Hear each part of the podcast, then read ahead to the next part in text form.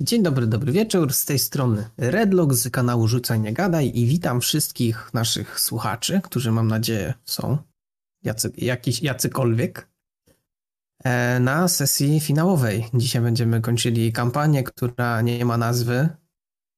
E, no, bo nie ma nazwy. The Tales from the Loop. A są ze mną dzisiaj Nerdy. Hejo. Rajka. Witajcie. Laku. Witajcie. Lanuk. Witajcie. Znixos. Czołem. Nie przeskakujemy tak daleko. Wczoraj był pogrzeb Amelki, na którym zaszły no, sprawy, których nikt się nie spodziewał. Cała Czeremsza popadła w skrajną konsternację. Następnego dnia poszliście normalnie do szkoły, ale w szkole brakowało wielu uczniów. Okazało się, że część mieszkańców Czeremchy postanowiła ją opuścić. A my naszą akcję zaczynamy dnia następnego. Posłuchajcie teraz tego, co, co się pokrótce działo do momentu, w którym spotkacie się razem wy. Czym jest pętla i co się w niej dzieje? Zaraz za tą myślą dopada nas setki innych pytań. Gravitron? Czym on w sumie jest? Czym jest Snowflake? Bradok? Co na planach, które przez chwilę mieliście w rękach, robiły dziwne symbole?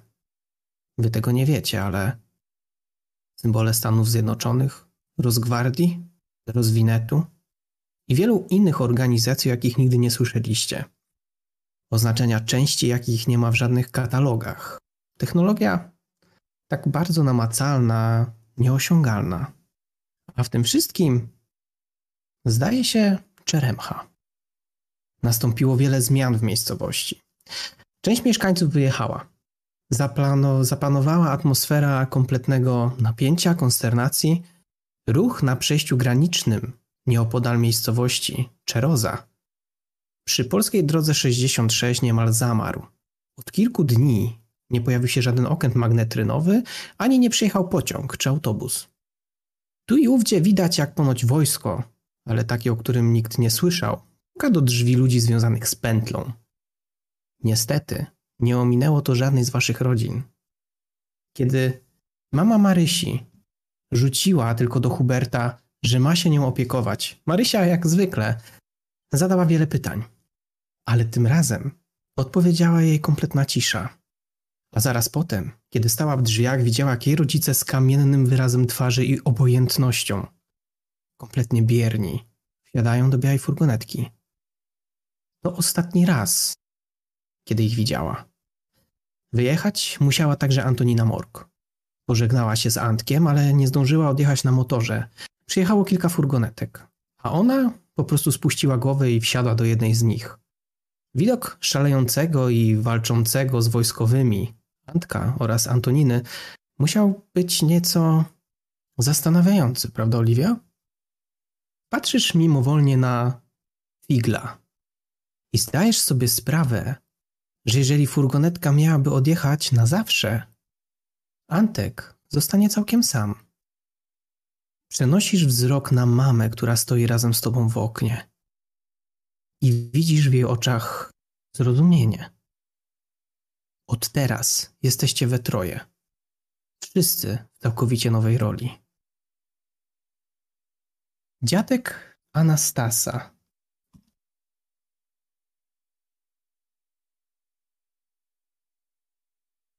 Dziadek Anastasa pożegnał się z wnukami, po czym wyszedł i czekał chwilę przy drodze. Podjechała furgonetka z symbolem interfizu, do której wsiadł. Tak po prostu, bez słowa wyjaśnienia. Tyle. Miron, dwa dni po pogrzebie wojskowi przyszli także do was i zapukali do waszych drzwi. po krótkiej rozmowie z twoją mamą, wojskowi poszli na tyły i zabrali klatkę oraz ptaka ze schroniska. W stałej miejscowości każdego dnia znikały kolejne gadające zwierzęta. Zamknięto schronisko i wywieziono wszystko, co było w środku. Tymon. Łomotanie we drzwi przerwało spokój nocy. Wyrwany ze snu słyszałeś, jak twój brat zbiega po schodach, a po chwili jego krzyki. Zbliżasz się do drzwi, ale na ramieniu czujesz metaliczną dłoń. To robot, jakiego widziałeś wcześniej. W tym momencie drzwi otwiera zdyszany twój tata, przerażony. I zastyga, zamiera, widząc go za tobą. Po chwili uśmiecha się i wpada w nerwowy śmiech. Przyklękuje przed tobą i uśmiechnięty, ale ze łzami w oczach mówi radośnie: Na wojnie, synu, na wojnie zawsze są ofiary, pamiętaj. Ale warto walczyć. Zawsze warto walczyć. Po czym wstał i uścisnął dłoń robotowi. Rzucił tylko: Cieszę się od 23, że Gawenda jednak dał radę. I zbiegł na dół, gdzie dało się słyszeć krzyki twojego brata. Z szalejącym sercem zrobiłeś krok do przodu, ale robot tobie nie pozwolił. Na podłodze widzisz zdjęcie siostry Mirona. Najprawdopodobniej wypadło twojemu bratu, kiedy zbiegał na dół. Potem pamiętasz tylko, jak robot cię chwycił i z tobą uciekł. Do bazy, gdzie teraz mieszkasz. Nie każdy to wie, ale to właśnie od was zaczęło się znikanie ludzi z miejscowości.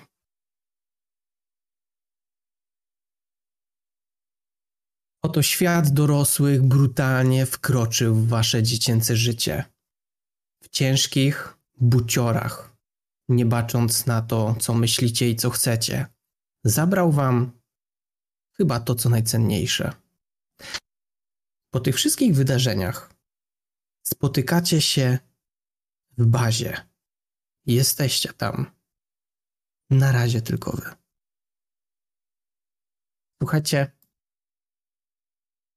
w sytuacji, w której teraz was postawiłem, myślą lub czują wasze postacie. Jeżeli chcecie, możemy zrobić chwilę przerwy, żebyście mogli się też zastanowić. Mm, Up to you. myślę, że na spokojnie możemy grać, chyba że ma ktoś coś przeciwko.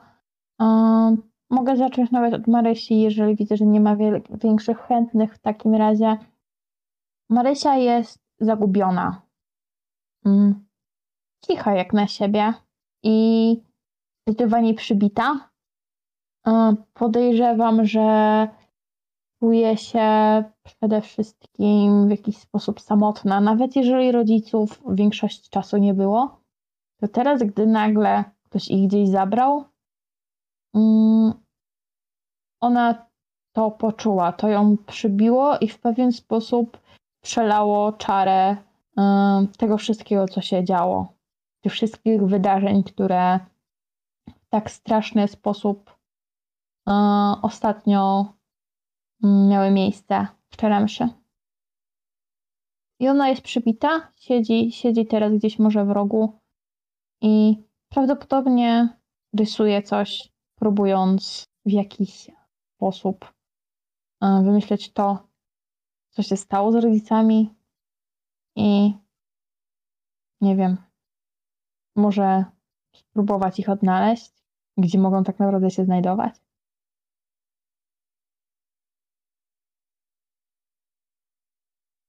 Hmm? Czy masz jakieś pytania odnośnie ceny, którą opisałem tobie? Znaczy, no zrozumiałam, że moich rodziców zabrano białą furgonetką i jakby Nie powiedziała do ciebie nic. Zupełnie nic. Powiedziała tylko do Huberta, że ma się tobą zaopiekować i to wszystko.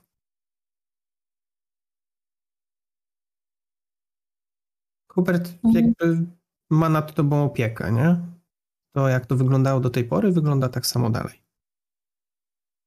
Więc już nie, nie śpisz sama. Myślę, że śpicie razem w jednym pokoju.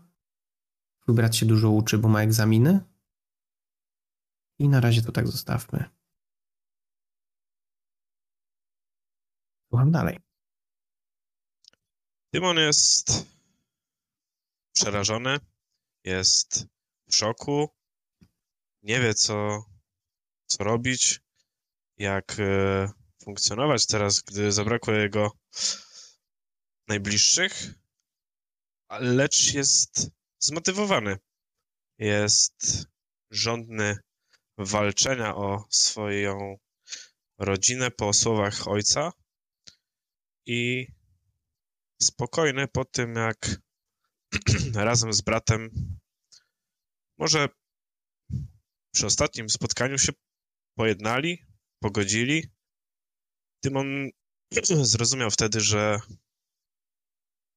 rodzina go ochrania i to tak naprawdę dla niego chce jak najlepiej, żeby on, jeszcze nie będąc w butach tej dorosłości, mógł przed tym uciec.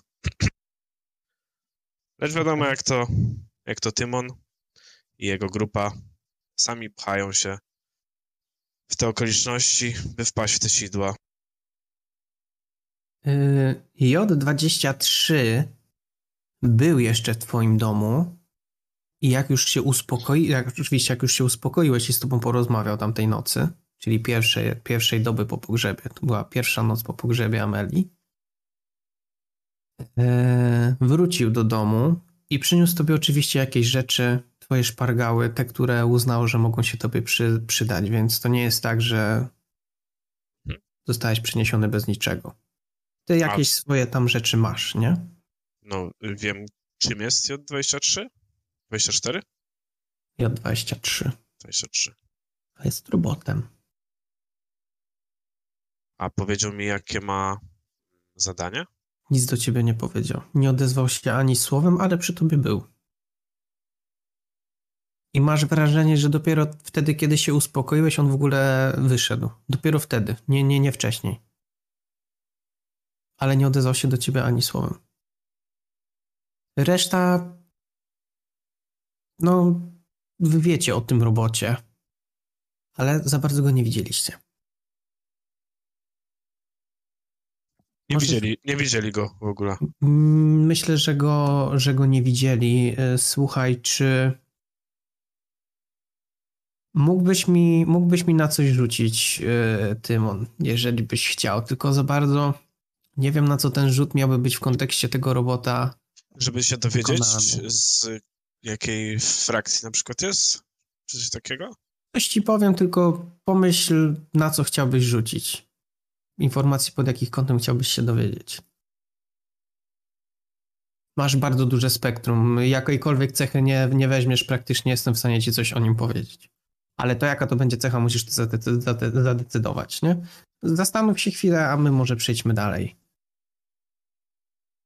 Mm, No to Miron w takim razie, myślę, że on pierwszy raz od bardzo dawna czuje złość, taką szczerą złość, trochę frustrację, głównie na niesprawiedliwość świata. E, Najpierw Amelka, e, teraz e, zamknięcie schroniska, zabranie zwierząt. Gdzieś może w głębi duszy czuje się winny, ale stara się tą złość właśnie zamaskować, te, te wyrzuty sumienia. E, mimo że tą złość kieruje raczej do wewnątrz i raczej nie, nie stara się jej ukazywać, e, to stara się tą złością przerzucić może trochę odpowiedzialność, wyrzuty sumienia, e, ale zdaje sobie sprawę pewnie, że prędzej czy później trzeba będzie coś zrobić, bo inaczej do końca życia będzie sobie wyrzucał, że nie zrobił nic. Cerber jest cały czas z tobą. Mhm. On ciebie pilnuje, nie odstępuje od ciebie niemalże na krok. I ja mam pytanie tylko do Tymona. Tymon, czy ty powiedziałeś Mironowi o tym, co powiedział twój ojciec? Cieszę się, że Gawenda dał radę.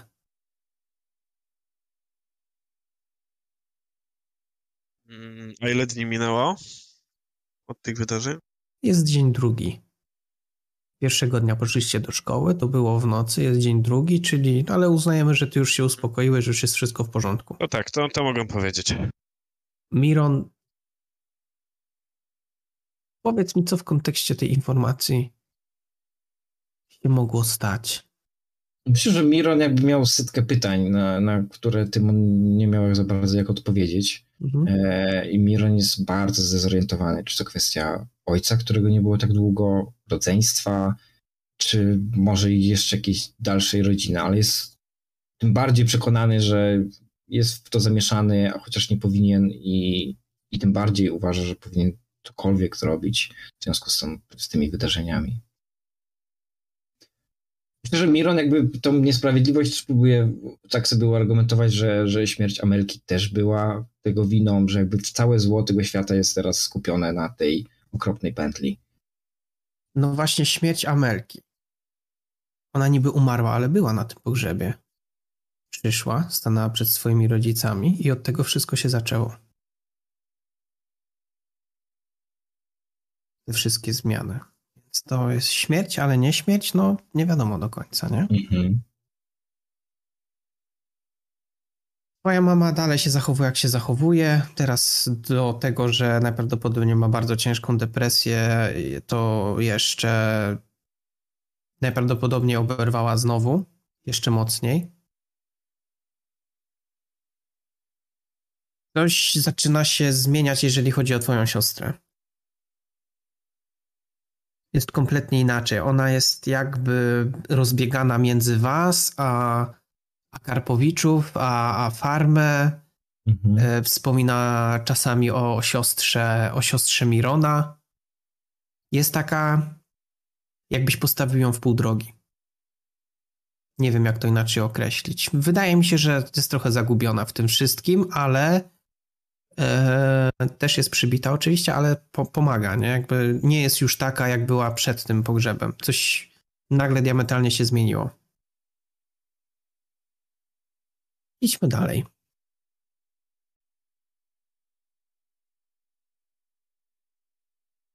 Ja mogę.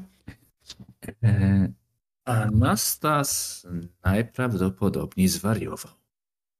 To znaczy, jego pokój jest zamalowany obrazami, e, korytarz jest pomalowany, klatka schodowa drewniana, wszędzie gdzie tylko znajdzie jakiś kawałek ściany. E, rysuje, maluje, używa swoich farb, kredek, nie wiem, rzeźbi, czy, czy wycina jakimś nożem w drewnie, w metalu, w czymkolwiek. Wszędzie pojawiają się jakieś motywy właśnie robotów, e, motywy tej całej pętli, czyli czymkolwiek ona jest, w no jednak mocno kreatywnym umyśle Białorusina. E, natomiast e, chodzi nabuzowany niesamowicie, mówi o rewolucji, o tym, że trzeba ruszyć na barykady i trzeba zniszczyć pętle i wszystkich, którzy z nią współpracują i w ogóle czymkolwiek ona jest, to nigdy nie powinno jej mieć i skoro Ameryka wróciła, to znaczy, że jego rodzice też mogą wrócić. Mhm.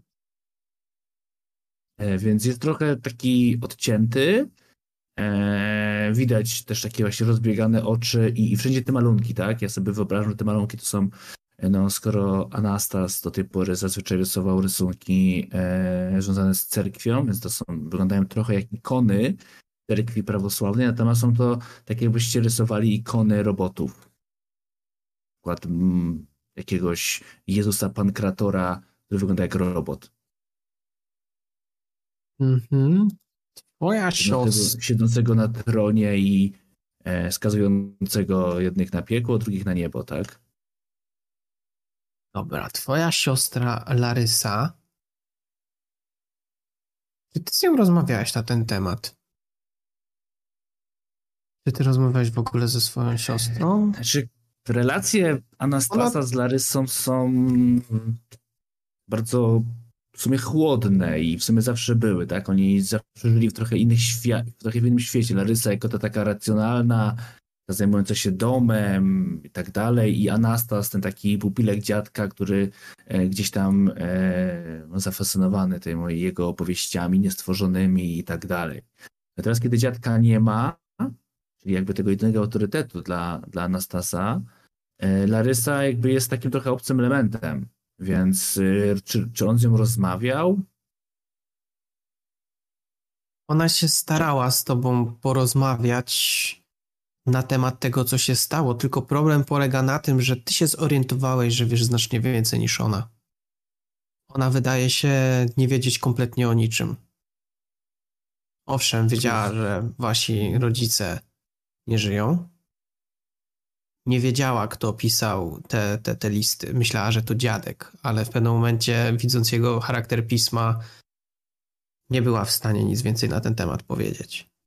Generalnie. Ona też jest zagubiona w tym wszystkim. Ona doskonale sobie radzi, jeżeli chodzi o dom i farmę. E, widzisz, bardzo często przychodzi do was e, siostra, siostra Mirona, Anna. Spędzają razem dużo czasu, ale wszystko jakoś tak troszeczkę jest skaszone. Mhm. Nie wiem, jak to inaczej opisać.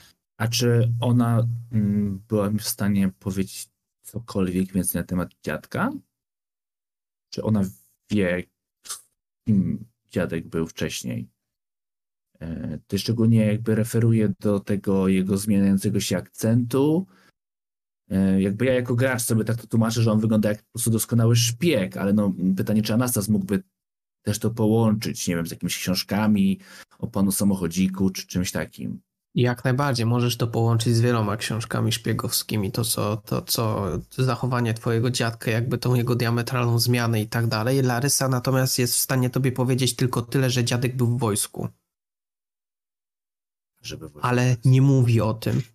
Powiedziała, że od Czarnobyla. Ona też wtedy nie była taka, taka duża, nie? No nie, nie. Że ona też mało na temat rodziców wie i na temat dziadka mało wie. Wie tylko, że się to wszystko praktycznie zmieniło po tym, jak e, e, rodzice zginęli w Czarnobylu. Że dużo się zmieniło, ale ty byłeś bardzo mały, a ona była co No prawda tak, troszeczkę nie. starsza, ale no nie Rozumiem. była. Czujesz w tym wszystkim po prostu jakieś takie napięcie i zagubienie. Jasne. Generalnie. Burza. Oliwka z kolei jest bardzo wkurzona i bardzo skupiona, bo ona nie akceptuje tego, co się wydarzyło, nie akceptuje tego, że białe furgonetki zabrały rodziców jej przyjaciół, rodziców y, i niektórych dorosłych w mieście, nie akceptuje tego, że wszyscy, wszyscy milczą i myślę, że pierwsze, co zrobiła po tym, jak e, mama Antka została zabrana, to nawet jeśli próbowała ją powstrzymać i mama, mama to zaczęła przeszukiwać cały dom, ten, w którym teraz mieszkają, pod kątem, czy nie ma żadnych e, przyrządów do przesłuchiwania, jakichś kamer, monitoringu, śledzenia i tak dalej. Paranoję trochę wpadła. E, potem myślę, że spróbowała porozmawiać z Antkiem, żeby czy, czy, czy jego mama miała gdzieś jakieś informacje, czy coś, e, ukryte dokumenty w, w, w pokoju, czy jakieś pomieszczenie jest zamknięte, czy, czy może przeszukiwał kiedyś dom pod kątem jakichś schowków. Ona po prostu zbiera wszelkie informacje, wysłuchuje rozmów, które prowadzą dorośli, którzy zostali, wysłuchuje plotek, rozważań, nawet tych absurdalnych, zapamiętuje, zapisuje sobie to wszystko i stara się to połączyć, e, przeże, e, prze, przerzedzić te, które są absurdalne i na pewno z tym się nie zgadzają, które są fałszywe, wymyślone, a które mogą mieć coś wspólnego z prawdą. Po prostu ona wpadła w taki wir dowiadywania się tego, co zrobić, żeby ci rodzice wrócili, żeby załatwić problem z pętlą i myślę, że cz- czasami można ją przyłapać na tym, że ona gada do siebie, tak opowiada, tak jakby mówiła do siebie, będąc z figlem i jakby rozmawiała z figlem mówiąc te wszystkie rzeczy, które usłyszała, te wszystkie e, informacje, które zdobyła, analizując, no i to samo generalnie, co pisząc. Rzuć mi na śledztwo i na pojmowanie. Czy używasz dodatkowych przedmiotów? Też mi powiedz, czy nie? Znaczy- Wszyscy regenerujecie sz- szczęście oraz dumę, to zapomniałem powiedzieć. E, Kij baseballowy to mi się tutaj raczej za bardzo nie przyda. Więc tak, e, śledztwo. Zawsze go możesz mieć przy sobie pod ręką. Pamiętaj, to jest przedmiot, który dodaje tobie otuchy. No, zawsze go mam. Jakby teraz tym bardziej nie odstępuję go na O, rzuć z bonusem oba rzuty. A jak to się zaznacza? Bo szczerze to nie... nie, nie, nie. Klikasz po prostu na, na, na umiejętność, Mhm. to jak jest napisane i wpisujesz plus dwa, jak tobie wyskoczy okienko. Czy dwójkę tylko. Dobra, i pojmowanie, tak? Mhm. Stany też zdejmujemy? Też. Dobra. Może chcecie sobie wrzucić jakby... A po prostu O.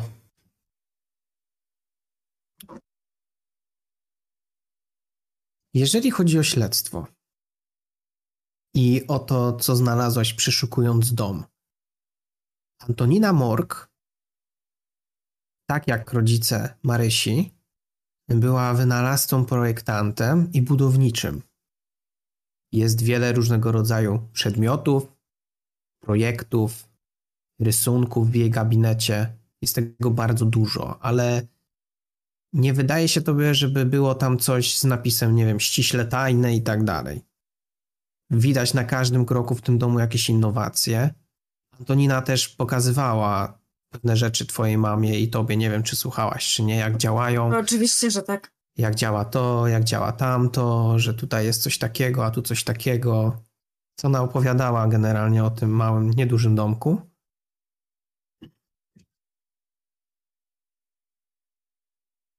Poczekaj, sko- skoczę po długopis, dobra?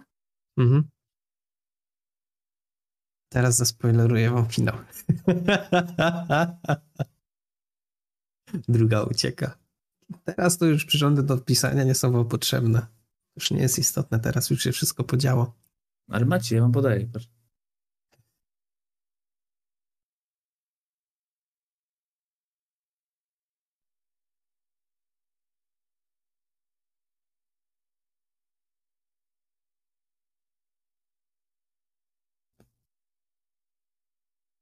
Znajdujesz za to pewien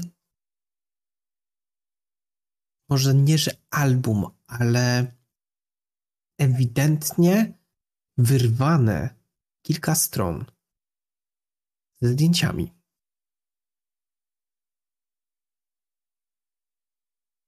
Widzisz tam zdjęcie twojego taty, Beniamina,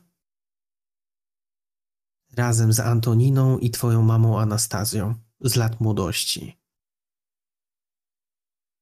Znalazłaś na pewno zdjęcie z rodzicami Marysi. Zdjęcie z jakimś państwem, dwójką. Ewidentnie nie w takiej relacji. To było łącznie z rzutem na pojmowanie. Ewidentnie nie w relacji przyjaźni i tak dalej, tylko z małżeństwem w mundurach interfizu. I jest to zdjęcie wykonane w Moskwie w 1982 roku.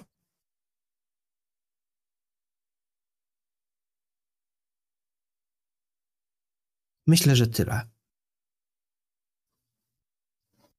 Y, Antek się miota. Antek się kompletnie zdestabilizował. Antek jest nie do opanowania, jest zagubiony, yy, zniszczony w każdym kierunku się wydaje, że, że taki, taki on jest. Nie chce z nikim rozmawiać o niczym, ale akceptuje jakby opiekę twojej mamy. To, że zrobi coś do jedzenia, to, że czasami przyjdzie go przytuli czy coś takiego, on nie protestuje, ale widać ewidentnie, że jest rozbity tą całą sytuacją i widać, że się w nim kotuje dużo emocji i nie umie sobie z nimi do końca poradzić. No dobrze, to ja myślę, że ja tak patrzę na to zdjęcie. Idę do mamy z tymi zdjęciami. I pokazuję na te zdjęcia. Mamo, czy możesz wyjaśnić? Bo ja słyszałam, że interfis to ci źli.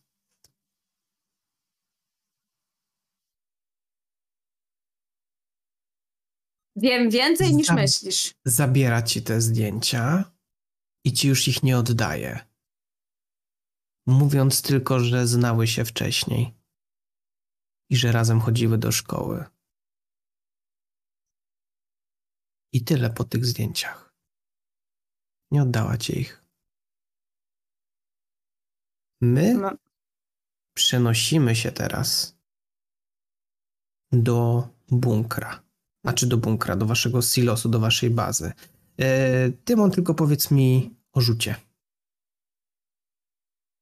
Więc nie wiem, czy.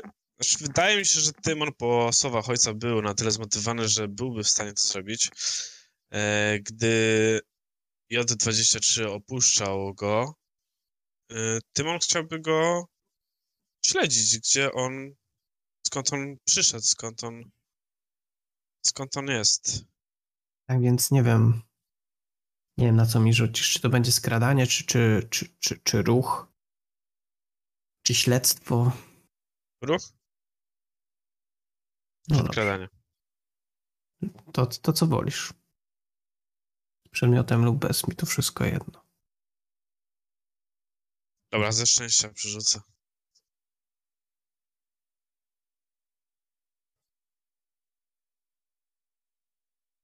Spotykacie się w bazie.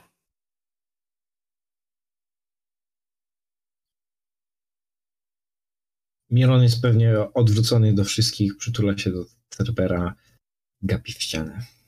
A ja myślę, że Oliwka rozkłada na ziemi masę kartek papierów. Yy, Być może zebrała te, te rzeczy, które wynalazła mama Antka, nawet jeśli to było nic jakby bez sensu, ale, e, ale rozkłada wszystkie informacje, które tam wypisywała, zbierała i tak dalej. I no dobra. Przepraszam, jeszcze odnośnie śledztwa. To były różne furgonetki. To nie były tylko i wyłącznie białe furgonetki. Były furgonetki ze znakiem interfizu, bez znaku interfizu, co niektóre były zielone, co niektóre były w naszej y, wuzecie, w jakichś takich kamuflażach, co niektóre były. Były różne furgonetki.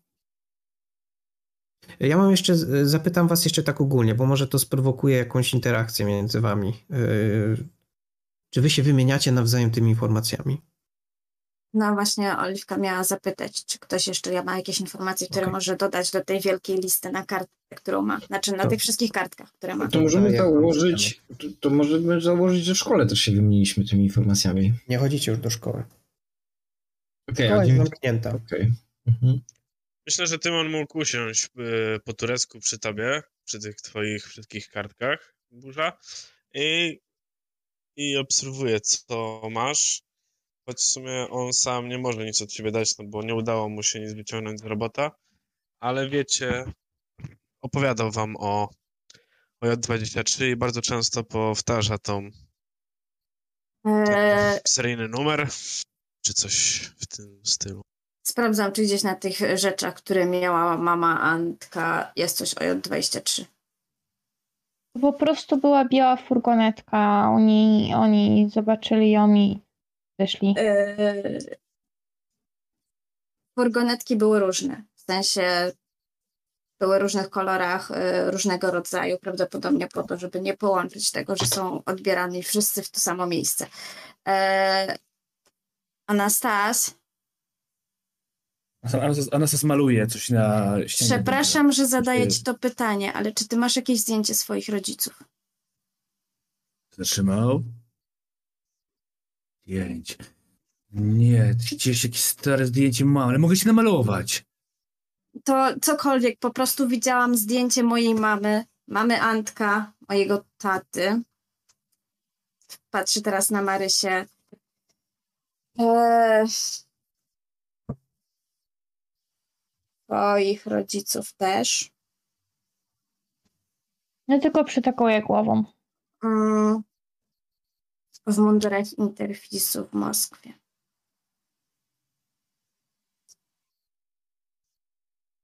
A z tego, co, co wiemy, to interfejs był przecież Eee, dlatego no jeszcze było małżeństwo. Tylko no nie rozpoznałam ich, więc dlatego pytam Anastas, czy masz zdjęcie swoich rodziców. Raptuję. Da, gdzieś. E, Myślę, że tak. Myślę, że, że na pewno jakieś zdjęcie stare, może nawet ślubne, tak sobie wyobrażam, e, mógłby gdzieś Anastas mieć w swoich skarbach, że tak powiem. Masz jej przy sobie, czy... No może, żeby nie komplikować sytuacji, to uznajmy, że tak. Żeby nie trzeba było wracać do domu. I... Patrzysz na zdjęcie, które daje tobie Anastas. Faktycznie. To są te osoby. Myślę, że już wszyscy po minie Oliwki widzą, że to są te osoby. Ale to Wszędzie, wszędzie Moja są- mama wie dużo, ale nie umiem z niej informacji wyciągnąć. Próbowałam na wszelkie możliwe sposoby i ona nic nie chce mówić. Kładę dłoń na ramieniu burzy. Czy próbowałaś się modlić? Anastas, Eee, wątpię, ja nie modlitwy w Boga. pomogły. E, Bo teraz naraz mówiłyście i nic nie zrozumiałem. ja nie wierzę w Boga. Bóg by nie dopuścił do takich rzeczy. Robot, sztuczny, sztuczny twór uratował mnie przed tymi ludźmi, a... A gdzie był Bóg wtedy? ja myślę, że twój Bóg to nam za bardzo nie pomoże, bo to nie wydaje się być ani trochę boskie, bardziej ludzką Choć, ręką. Choć może, może. Anastas ma jednak troszkę racji, bo z- inaczej by mnie tu nie było. Skąd się pojawił ten J23? Da, to wszystko jest częścią jakiegoś planu. Większego planu, a my musimy być jego wykonawcami. Ja wrzucam na środek e, szkic e, Anny e, i tak mówię, tam jeszcze było napisane J23. Hmm. W instytucie. J Odpowiadam. 20. I J23 też było u, u dziadka Anastasa. Mhm. Powiedziane. Tadeusz. Może oni wszyscy W tych notatkach, pamiętajcie. dążyli do tego, żeby powstał ten robot. A może to Żeby zadziałał, bo przecież tam było, że znowu działa. To w którymś momencie było powiedziane. Bo mam, No, te myślę, że daje. Oliwka gdzieś ma zapisane, to J23 znowu działa, bo miała jakby przekazać Nadaje chyba, nie? Tam- Znowu nadaje. Znowu Mój- nadaje. A mój tato powiedział, że to dzięki gawędom. Albo gawędzie. Może, a może ten robot był ich projektem w tym całym interfizie? Nie, nie, nie, to Po musi prostu być nad nim broń. pracowali. To musi być Nie jakaś musi. broń albo, albo jakiś potężny płoski przedmiot. Artefakt. Ale co? Nie wiesz, co robi ten robot oprócz podkradania dzieci. On mnie nie ukradł, on mnie uratował. Dobra, dobra. Sądzę, że oni chcą go zdobyć, że oni szukają i- tego robota.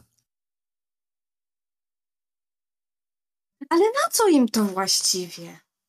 Oni chcą go zniszczyć, Może- czy oni chcą go wykorzystać? I mój tato widział też go i jakby był dumny z niego. Marysia, słyszysz hałas na zewnątrz jakiś. Antek pewnie śledzi. Widzieliście to?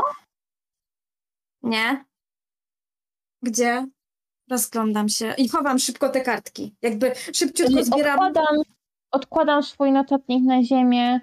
Yy, Jeżeli któreś z Was by tam jakoś spojrzało, no to widać, że tam są rysowane jakieś plany. Yy,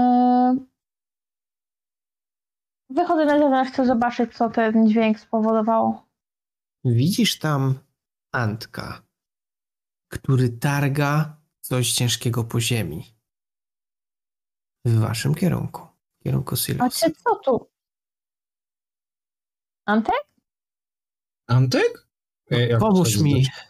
I dyszę Ja od razu wybiegam. Jak słyszę, że Antek, to od razu mu pomagam. Co to takiego? Co on targa? Ciągnie jakiegoś, wydaje się, że ciężkiego robota. No co to Okej, jest? Chcesz mu pomóc. No, pomagam. Czemu tu targasz? To Antek, Tymon, Tymon nie pomaga, on od razu chce zobaczyć, że to jego robot. Znaczy jego robot. Ten, co mu pomógł. tak, ma na piersi napisane J kreska 23. Jest cały zrobiony z metalu, się wydaje.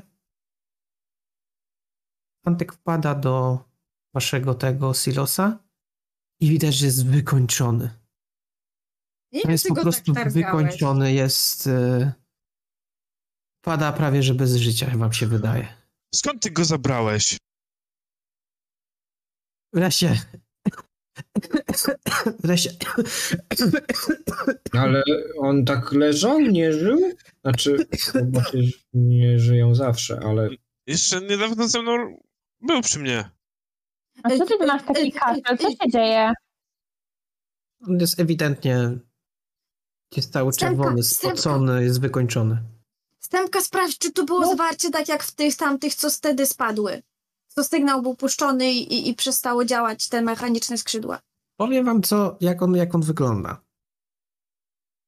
Oczka mu się palą. Więc wygląda, że jest, zaś, że jest zasilanie. Natomiast nie ma, nie ma części nogi. Ma urwaną jedną stopę i wygląda tak, jak coś by go srogo uderzyło. Jest trochę powyginany tam ten jego pancerz, ten jego korpus, który tam ma. Widać, że coś przydzwonił i to zdrowo, albo ktoś mu przydzwonił, albo no, no nie wiadomo. Ty go tak urządziłeś? I wybija jakiś, jakiś błąd.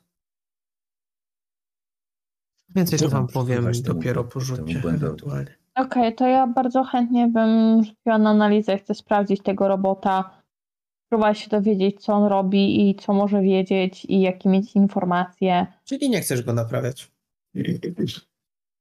Znaczy, no pewnie, żeby się dowiedzieć co i jak, no to będę musiała go naprawić do pewnego stopnia. Tymon myślę, że powiesił się nad jego jakby głową i tak objął go troszeczkę tą głowę, jakby podtrzymywał mu podtrzymał mu dwoma rękami tą główkę i tak Robociku, co ci się stało? Robociku. On Ktoś próbuje chciał go też jakoś tam ruszyć głową, ale to jest, to jest coś na takiej zasadzie. Napraw go, Marysia. tylko No dobra, zaatakować. Będę chciała, chciała, nie wiem, mm, spróbować dostać się. nie, Właśnie nie wiem na ile mechanicznie Masz trzy Marysia rzeczy jest. do wyboru. Analizowanie, majsterkowanie, programowanie.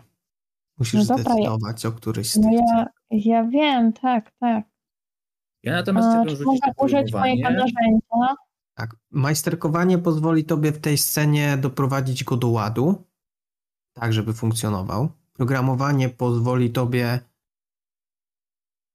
dowiedzieć się, jaki jest błąd i jak jest uszkodzony, powiedzmy, oraz wyciągnąć jakieś drobne informacje.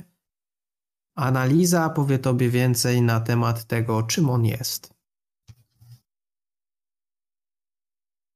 Mm, Okej, to wydaje mi się, że weźmiemy majsterkowanie i no będę chciała użyć mojego narzędzia wielofunkcyjnego. Mhm.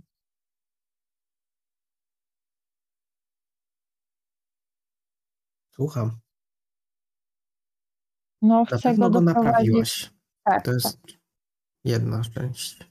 Dwa sukcesy masz jeszcze. Mam dwa dodatkowe sukcesy. Będę chciała próbować się dowiedzieć, co go tak urządziło, w jakiś sposób. Mm, Coś To jest- uderzyło go z bardzo dużą siłą. Z tyłu znajdujesz jakieś kawałki drewna, czyli wygląda na to, że coś go uderzyło i rzuciło nim po prostu jakieś drzewo czy coś takiego. Okej.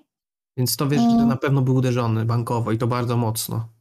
E, stopa jedna jest urwana i coś tam jest jeszcze zmiażdżone. Dobra. Czyli został uderzony tak mocno, że aż mu się coś oderwało. A y, czy jeszcze za ten ostatni sukces mogę na przykład się dowiedzieć, do czego został stworzony albo cokolwiek?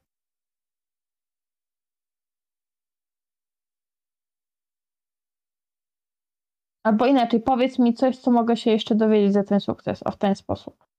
To nie jest do końca robot. To nie jest do końca komputer. To jest coś więcej niż maszyna.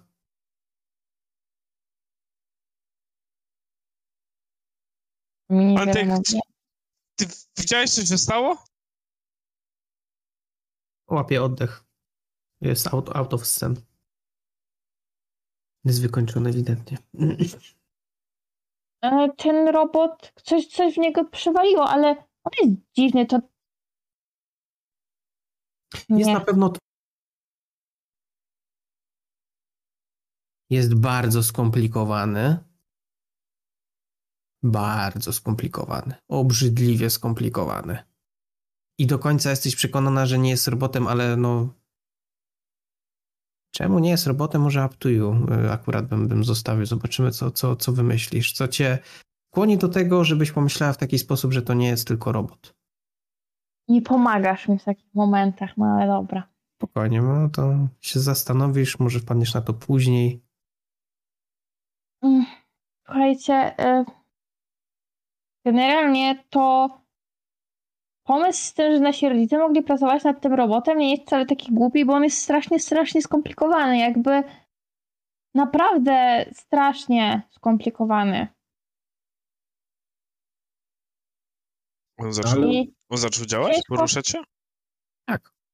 Tak. Ciężko mi powiedzieć w sumie do Zaczął czego się on tak naprawdę został, został stworzony, bo nie mam pojęcia, ale to tak nie do końca, nie do końca jest robot, jakby Spojrzał Ja w tym myślę, momencie na że- ciebie. Ja Marysia? myślę, że ja tylko chcę powiedzieć tyle, że Oliwka w tym momencie siedzi z rozdziawioną gębą, patrzy jak się robot sam roz... naprawia. Się modlę. Odwrócił się i patrzy na, na, na Marysię. Przerwał wszelkie naprawy. On na pewno. Co? Ja tak jak trzymałam w jednej ręce narzędzie wielofunkcyjne, a drugą ręką ołówkiem gdzieś tam coś zapisywałam w notatniku, tak w tym momencie tak zamarłam. Co, powie- na niego. co powiedziałeś do niego? Że nie do końca jest robotem. Zbliża No, do ciebie do swoją głowę, A? tak jakby się tobie przyglądał. Jest dosłownie gdzieś tyle od ciebie. Yy, mechanicznie się troszeczkę odsuwam do tyłu. Widzisz coś w jego oczach. Coś jest nie tak. To nie może być tylko robot. Widzisz w nim jakiś przybłysk człowieka. Coś jest nie tak. Po prostu masz takie tchnienie, tak? Coś. Ty jesteś. Czy ja mogę sobie wrócić na empatię, żeby e, zobaczyć, czy ten robot, jakby, jakie są jego e, intencje w naszą stronę. Czy on jakby zaczyna rozpoznawać w nas swoich dzieci, swoich twórców, czy gdzieś, wiesz, analizuje jakoś nasze twarze, tęczówki, coś takiego? Czy, czy raczej właśnie zaraz mu się włączy tryb y, Exterminate? Okej, proszę o rzut. Ja z totalną powagą, yy, patrząc w tego robota, zapytałam się, czy oni kogoś w tobie zamknęli?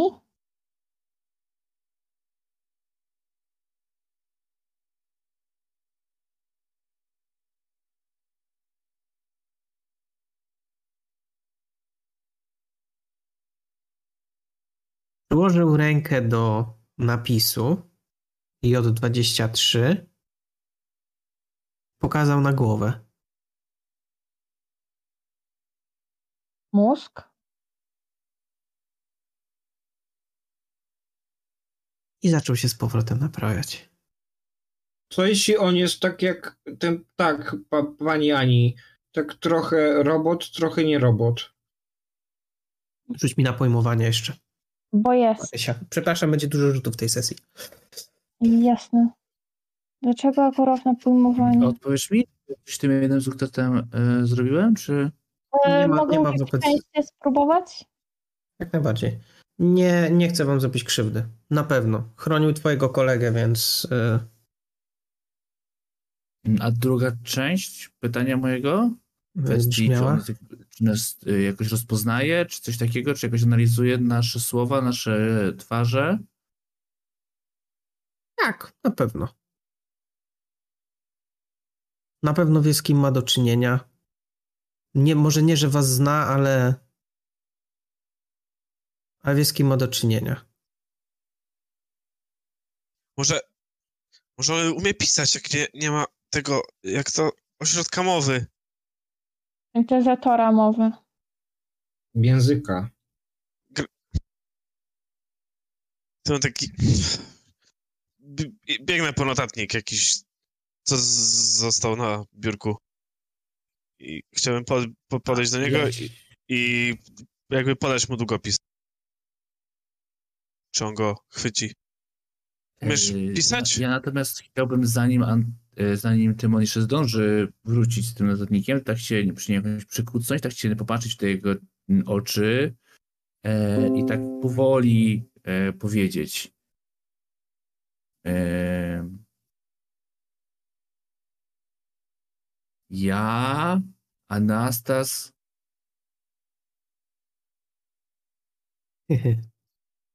Karpowicz. Syn i nie pamiętam imienia moich rodziców, e, ale pewnie Anastas pamięta, mam taką nadzieję. E, Syn i tu padają imiona moich rodziców. Ja chyba nawet tego nie, nie określiłem, szczerze powiedziawszy, więc bez znaczenia. Syn Karpowiczów. Czy znałeś moich rodziców? Kiwa głową przecząco. Hmm. I wydaje takie mechaniczne ruchy, przy tym jakby słyszycie te wszystkie tam te procesory, te takie malutkie, te koła zębate i tak dalej, to wszystko jest wykrzywione od tego uderzenia, nienaprawione i słyszycie takie różnego rodzaju zgrzyty, jakby każdy, każdemu jego ruchowi po prostu jakiś dźwięk towarzyszy. On nie ma jakiejś mimiki twarzy czy, czy coś takiego. Patrzyłem na resztę i tak pokręciłem głową. Chyba nasz, e, nasz trop się e, skończył. A Czy myślę, on że tam... ten długopis e, od Tymona? Nieporadnie go trzyma. Ma pokrzywione trochę te. Trzymam mu ten notatnik tak przy ręce i na razie patrzę jakby na jego twarz, czy od, znaczy głowę, czy odpowiada. Czy stworzyli cię nasi rodzice? Rzuć mi na pojmowanie, słuchaj. No Tymo, no jak ich nie zna, to jak mogli go stworzyć? nie zna twoich rodziców, to nie znaczy, że nie zna rodziców Tymona. Narysował kreskę. Taką pokrzywioną. Później narysował drugą. Zaznaczył coś na niej. Zrobił kreskę do góry. Też coś na niej zaznaczył, jakieś kółko. Później zrobił kreskę z powrotem. Znaczy kreskę zrobił do tego trzeciego, trzeciego punktu, tak? Raz, dwa. Kreska do trzeciego miejsca. Zaznaczył je i pokazał tobie na ziemię. I z powrotem na to kółko. I to jest moment, w którym ty się zorientowałeś, że on zaznaczył jakieś punkty geograficzne na mapie, tak pi razy drzwi. Rozpoznajesz, że jest to granica yy, między Ukrainą, Białorusią, Rosją. Nie wiem, w jakich geopolitycznych stosunkach wtedy to wszystko było, więc możliwe, że po prostu było to w ramach Związku Radzieckiego, no nie wiem. No, w każdym razie narysował tobie granice państw i ewidentnie zaznaczył jakieś trzy punkty. I ten trzeci punkt to jest Czeremcha.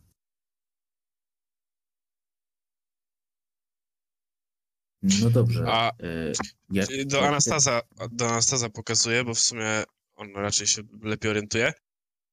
Czy myślisz, że jeden z tych punktów może być ten Czarnobyl?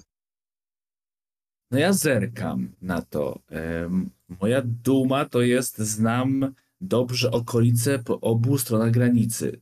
Czy Nie musisz, stanie nie musisz używać dumy, bo w momencie, kiedy on mówi o Czarnobylu, ty widzisz, że on przesuwa tą ręką na tą pierwszą kropkę. A, czy jest pierwsza i trzecia to jest Czeremcha. Czarnobyl. To co jest drugą kropką? Czy to są trz- trzy pętle? I ty jesteś z tej drugiej? Spojrzał tylko na ciebie.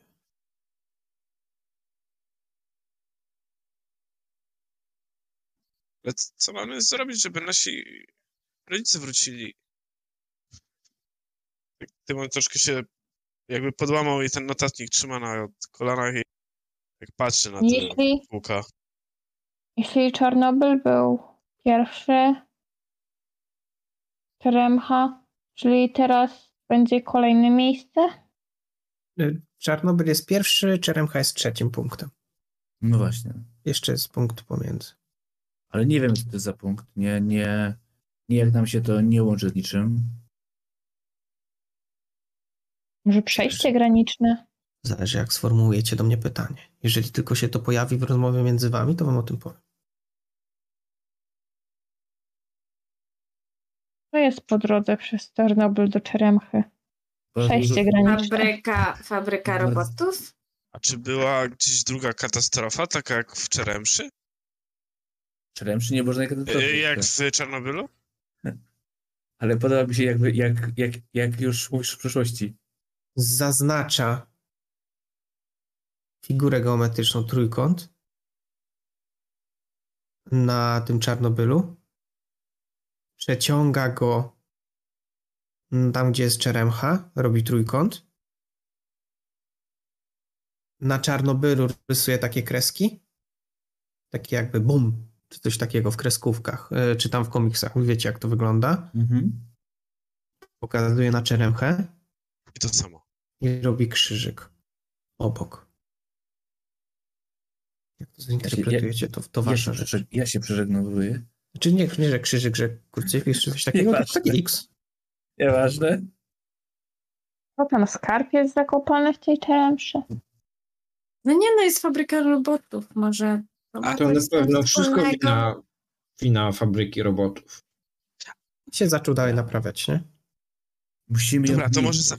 Zanim on się może naprawi, może mapę przyniesiemy Czeremszy. Pokaże nam, o co Mhm. chodzi. Ja znowu rozkładam no notatki swoje. Nie, nie sądzę, że to jest na Wczeremszy. Może być gdzieś dużo dalej. Ale wystarczy, żebyśmy mu dali może mapę, to by nam pokazał na mapie, a nie w powietrzu. Bo to nic... Albo No. na kartce. Czyli chodzi mu o to, że wszystko z Czarnobyla przynieśli do Czeremszy i Hmm. I- Sądzę, że to, co się zdarzyło w Czarnobylu, może zdarzyć się w Czeremszy. Albo zdarza się właśnie w Czeremszy. Ale to co my to mamy z tym zrobić, no? Zdejmuje korpus, swój pancerz, tak jakby, tą pokrywę i zaczyna się dalej tam naprawiać. Marysia, ja myślę, że ty widzisz w samym środku, tutaj jest klatka piersiowa, to gdzieś tam głębiej, widzisz małą, czarną kuleczkę. W tym całym robocie jest jedno małe coś. Zwracam na to uwagę. Jest dziwne. Okej. Po prostu tak się tobie rzuciło w oczy. Jest robot i są wszystkie części mechaniczne i tak dalej i jest takie coś niepodobne do niczego. Zawieszone chcę- jakby sobie wisiało. podejść tam. bliżej i, i spróbować. Co to takiego? I wskażę na to. On to zasłania Licząc. i pokazuje na Twoje napis. Pokazuje na napis J23. I z powrotem to zasłania ręką. to jest Co jego... tam widzisz? Jakąś ma taką czarną kulkę w sobie. Nie ja tak wiem, no. zerkam na tę kulkę. Może to jest jego serce takie, co... I że, I że dzięki temu żyje? I Dusza. dlatego tak ukrywa? Jeszcze. Wcześniej jeszcze pokazywał głowę. Może ma jakieś elementy, przez które żyje i ta kulka. Marysia, jest ty nie mówiłaś coś o jakiejś cząsteczce z tych notatek? To na pewno Mm. to. No był taki schemat. Cząsteczki są bardzo malutkie, a to jest duże. I tu widać, a tych cząsteczek ponoć nie widać. Widzisz taki obraz się tobie pojawia, e, Marysia, w, w głowie.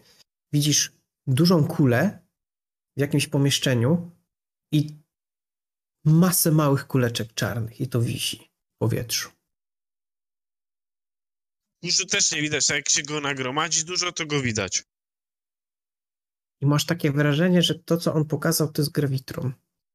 Tak się tobie zapala w umyśle. Że być może to jest to.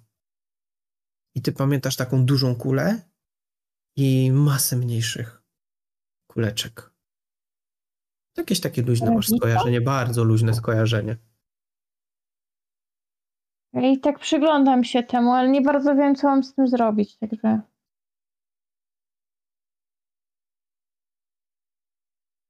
To się to naprawia jest dalej. to dziwne coś. To w sumie nikt nie wie, czym jest. Może zapytajmy go, czy on chce, żebyśmy coś zrobili. Czy ma dla nas jakąś Ale wiadomość. przecież nam nie odpowie, jak nie umiem mówić. Jakąś nogę sobie zamontował? Taką stopę, żeby było? Skąd on wziął te... Tak, A skąd on? Zmajstrował sobie z jakiegoś złomu czy coś takiego. Czy z jakiej tam części pancerzu wziął i po prostu dogiął to sobie w rękach. Ja myślę, że Marysia miała tyle złomu w bazie, że on nie musiał nic przerabiać. Wystarczy, że wziął kawałek złomu z bazy. Wyskakuje figiel i do niego podbiega. Co ty robisz? Chowaj się! Figiel wkoło niego skacze. Ty widzisz, że on się do niego nachyla. Zbliża głowę tak mniej więcej na metr. Wyciąga mały palec i dotyka go w sam czubek tak jakby nosa. A później tym palcem drapie go pod brodą. Chyba się znają. No, ale co? Czy wy się znacie? Giel! Co ty robisz? Zaczynam się bać. Dopiero teraz? Ja, ja już się bałam, byłam przerażona, wrzeszczałam, byłam zrozpaczona, ryczałam jak bubr, to teraz się skupiam na czymś innym. Ale dalej nie wiemy, co oni mamy zrobić. Musi nas powstali zaprowadzić. Czy macie pomysł, co zrobić z tą sceną dalej? Znaczy, no... No może prymitywny, ale ten pomysł, co był w międzyczasie, żeby mu mapę pokazać. Jaką mapę mu pokazujesz? Czeremchy. Nad fabryką robotów. W międzyczasie się naprawia jedną ręką, żeby Tak, nie tak, było. tak, tak. Robi kółko w się nieco niżej. Pokażę wam na rolu.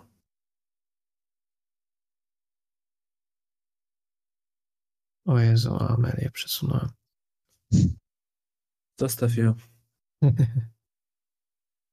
Mniej więcej gdzieś tu. Bo tu, bo tu. Robi takie kółko w każdym razie dość spore. Czy mamy tam jechać? Piątka dzieciaków? Ale No, pani Ania musimy powiedziała, że mamy się trzymać z daleka od fabryki robotów, że to niebezpieczne miejsce. Ale z drugiej strony on pokazuje, że tam coś jest. Może tam są wasi rodzice. A A on- Będziemy tak siedzieć i nic nie robić? Musimy coś w końcu zrobić. No musimy, ale nie możemy tak bez planu. Jak to tak bez planu? Te na- nasze plany w ogóle kiedyś szły zgodnie z planem. No nie, no ale i tak wypadałoby mieć chociaż jakiś plan, żeby jakiś mógł się nie udać, bo jak nie będziemy mieli żadnego planu, to nie będzie miało się co nie udać. I wszystko mamy- się nie uda. To plan, żeby tam pojechać i zobaczyć, co tam jest. Ale Może musimy tam mu jest taki zaufać. bunkier, jak był tam w tej dru, tam, gdzie pani Ania się ukrywała. Musimy zaufać temu robotowi, bo mój ojciec mu zaufał i jak on to pokazuje, to musimy tam jechać. I patrzę teraz na siebie. J2, i patrzę teraz na J23, czy on reaguje, jak mu mówię, że musimy tam jechać. Nie, naprawia się dalej. Antek już doszedł do siebie trochę. To podchodzę ty- do ty- niego z tą mapą. A czy ty coś kiedyś słyszałeś, jakąś dziwną rozmowę swojej mamy z kimś? Nie. Antoni, ty nam powiedz, gdzieś ty tego robota znalazł i dlaczego tu go przyprowadziłeś? Wciskam mu ten długopis. Przy torach kolejowych. Pokaż, zaznacz na mapie. To Antka pytasz, tak? Tak.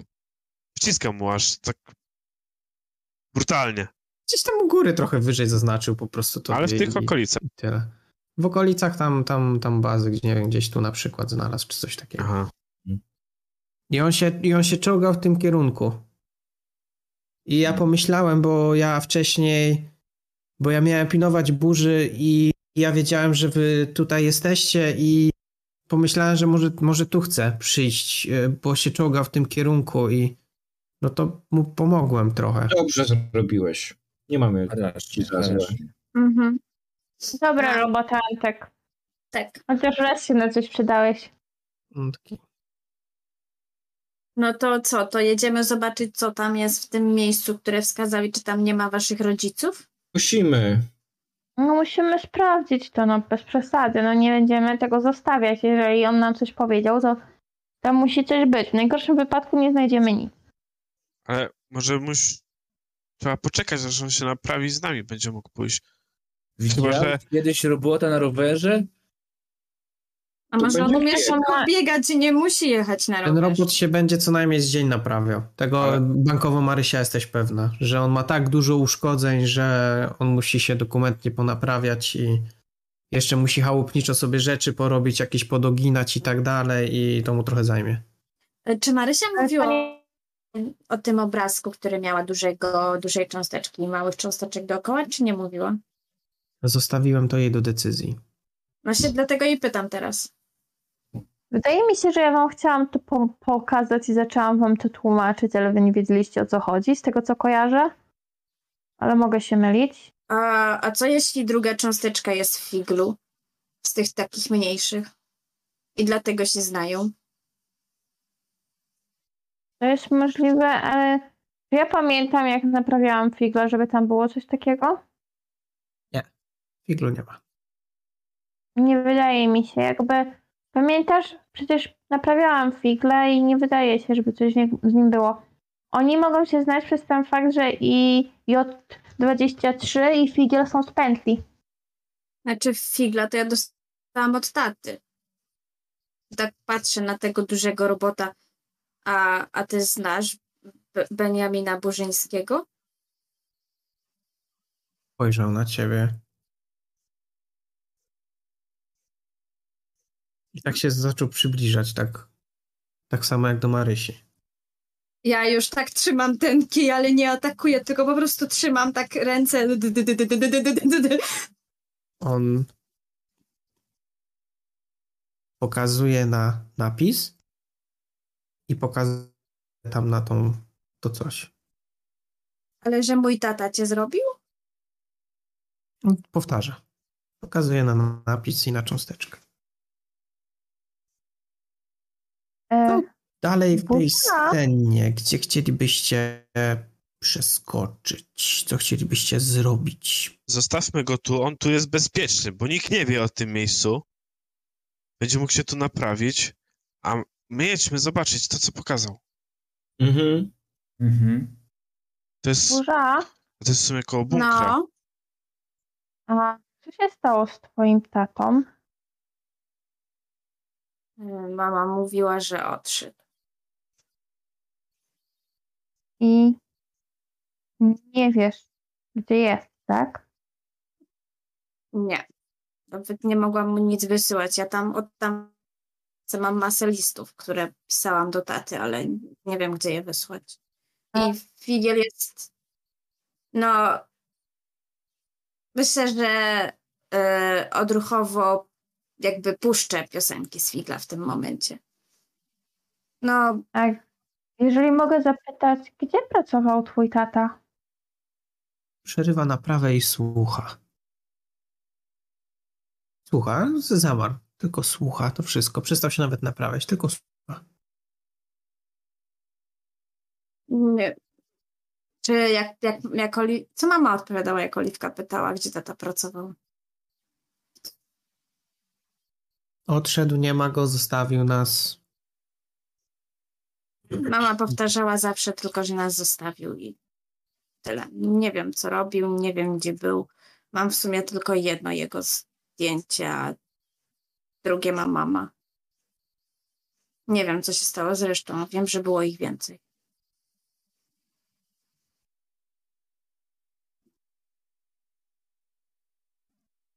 Macie trop. Jest nim miejsce, w którym coś stało się z robotem. Czy tam idziecie? A w sensie to tutaj u góry, tak? Czy to, co nam wskazał? To u Tak. góry. Na dole też on coś pokazywał. Myślę, że to jest po drodze, więc mm, możemy tam podjechać. No jest do góry trochę od Mhm. bazy, nie? A, nie, rzeczywiście nie jest po drodze. Baza jest tutaj. No to pójdziemy troszeczkę najpierw tam, gdzie robot był. Mhm. Może tam coś znajdziemy, a później najwyżej się zjedzie niżej. Obrazy za bardzo się nie zmieniają. Jest bardzo mało ludzi. Bardzo dużo kręci się różnych dziwnych innych ludzi. Czarne samochody zniknęły, nie ma ich w ogóle. Żadna wołga już praktycznie nie jeździ po Czeremszy. Nie widzieliście ani jednej. Gdzie niegdzie jeżdżą furgonetki. Już teraz tylko i wyłącznie zielonkawe, takie oliwkowe. I wy dochodzicie na miejsce, gdzie znalazł go Antek. Antek poszedł z wami. Pokazał wam to miejsce i widać ślady, że ten robot się czołgał skądś. Idziemy po śladach. Idziemy po śladach. Zgodnie. I już w pogotowiu. Dochodzicie nieco wyżej, pod Alaskę podchodzicie już. Eee, I tam roztrzaskane jakieś drzewo. Takie, nie wiem, może takie, dosłownie. Widać, E, jakby coś w nie uderzyło i by się złamało na pół. Marysia, pamiętam, zauważyła, że ten robot miał coś na plecach z drewnianego, więc patrzy jakby w przód, co mogło z przodu go wyrzucić. Także on plecami uderzyło o to drzewo. Znajdujesz kawałek opy mechanicznej Okej. na jednym drzewku obok tego dużego. A nie ma tu No tego dobra, ale- czegoś, co rzuciło robotem. Mm, Śledztwo. Ja też się rozglądać, czy jakieś, nie wiem, ślady. Plus jeden. No, wszyscy chyba badamy to miejsce, mogę się mylić. Plus dwa, plus trzy, plus cztery.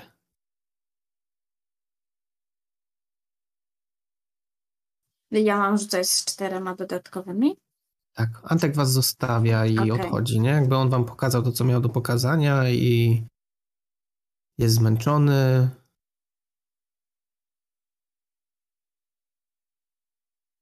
Widzisz, że robotów było więcej. Ej, to wygląda. Pamiętasz jakiś festyn, na którym były pokazywane różne roboty i tam właśnie też między innymi były nowe roboty Straży Granicznej. I ty rozpoznajesz, że te ślady to są ślady robotów Straży Granicznej. I że były jeszcze dwa więcej. I była jakaś straszna szamotanina. Widzisz jakieś. Myślę, że to razem znajdujecie wszyscy. Ja to jakby opisuję wam wszystkim, bo wszyscy braliście w tym udział, więc może to Marysia na przykład wiedziała, że te ślady są tego, a nie tego, nie? Jakby, żebyście nie czuli się wykluczeni, że to tak nie, nie wygląda. Eee, I że ew- ewidentnie tutaj doszło do, do jakiejś krótkiej walki, czy coś takiego. Widzicie jakieś części porozrzucane jeszcze z innych, innych maszyn. Widzicie ślady samochodów, e, takich dużych, ciężarowych, e, jakby wojskowych. Ale nie ma tu już nikogo. To było jakieś, nie wiem, 300 metrów od tego miejsca. Antek tego robota znalazł, nie? Jak wam pokazywał. A czy coś 400 zostało, może. nie wiem, jakaś kartka e, z notatnika albo coś? Nic. Mm, Czemu jak Straż Graniczna chciała go zatrzymać i go zniszczyła, to go nie zabrali? Może nie zdołali go od razu zabrać. Albo nie chcieli go zabrać. Chcieli go tylko unieszkodliwić. Albo coś jeszcze go uratowało? a, a, a co jak celowo go puścili, żeby pójść za nim i zobaczyć, gdzie on pójdzie? Nie, to by byli tutaj gdzieś. Już by nas złapali. Mhm. Już A by nas jeśli nie-. To by mu nogi nie odrąbali, wtedy wolniej idzie.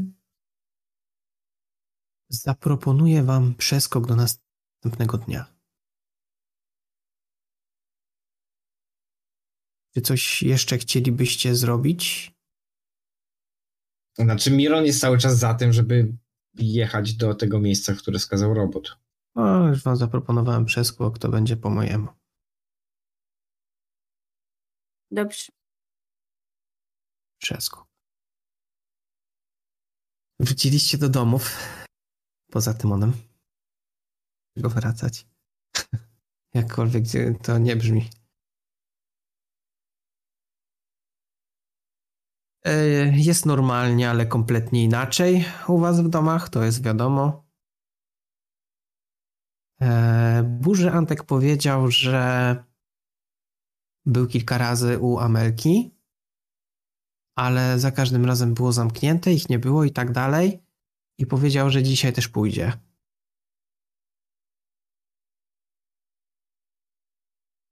To może pójdziemy z tobą. Albo ja pójdę z tobą. Powiedział, że, że sam pójdzie, że im więcej ludzi, tym, tym, tym gorzej. Że skoro go nie chcą wpuścić, to on tam sobie jakoś wejdzie Ale- czy coś, ale że chce pójść sam. Ale w razie czego tobie mówi, że, że, że idzie, nie?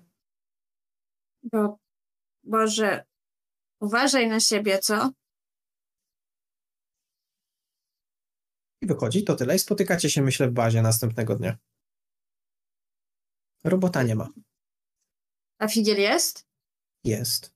Okej, dobra, to myślę, że od razu idę do Naprawił Figla. się i myśli... Naprawił się i myślicie, że sobie poszedł? Wyszedł w nocy? Jak spałem? Nie wiesz, cały czas się naprawiał. Coś tam próbować do niego gadać, mu zawracać dupę, ale on generalnie się naprawiał cały czas. I Po prostu wyszedł. Tak. On może znowu próbuje dotrzeć gdzieś, gdzie starał się dojść po uratowaniu mnie. Żeby nie skończył tak jak poprzednio. Może go śledzą, a nas nie będą śledzić. Jesteśmy dzieciakami. To może chodźmy tam na dół do tego drugiego miejsca, które wczoraj pokazał. Tak, Słyszycie trzeba sprawdzić pukanie? to. I Drzwi się uchylają. Widzicie, jak do środka wchodzi Amelka, a za nim, za nią Antek. Zróbmy chwilę. I wchodzi jest nasz Amelka i bunkier. Antek. Amelka wchodzi tak trochę niepewnie. Patrzy na was. ta Ja baza to już pierwsze, nie taka tajna. ja pierwsze co, to biegnę w stronę Amelki, chcąc się przytulić. Okej. I rozluźniło ją to raczej trochę. Antek na ciebie krzywo spojrzał, chłopie.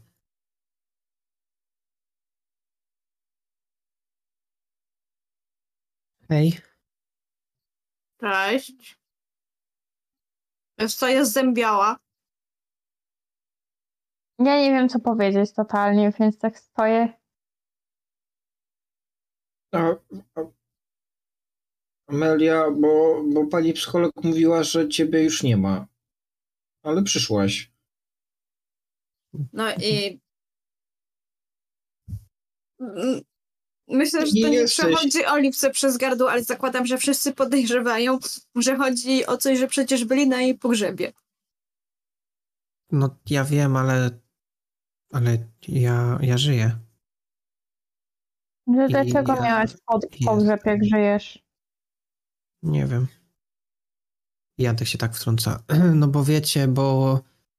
No bo ja poszedłem i oni byli, rodzice byli tam z przodu i tam ktoś do nich przyjechał, no to było otwarte, to ja wszedłem i Amelia też była, no i tak... y, Amelia tak patrzy, rozbawiona trochę.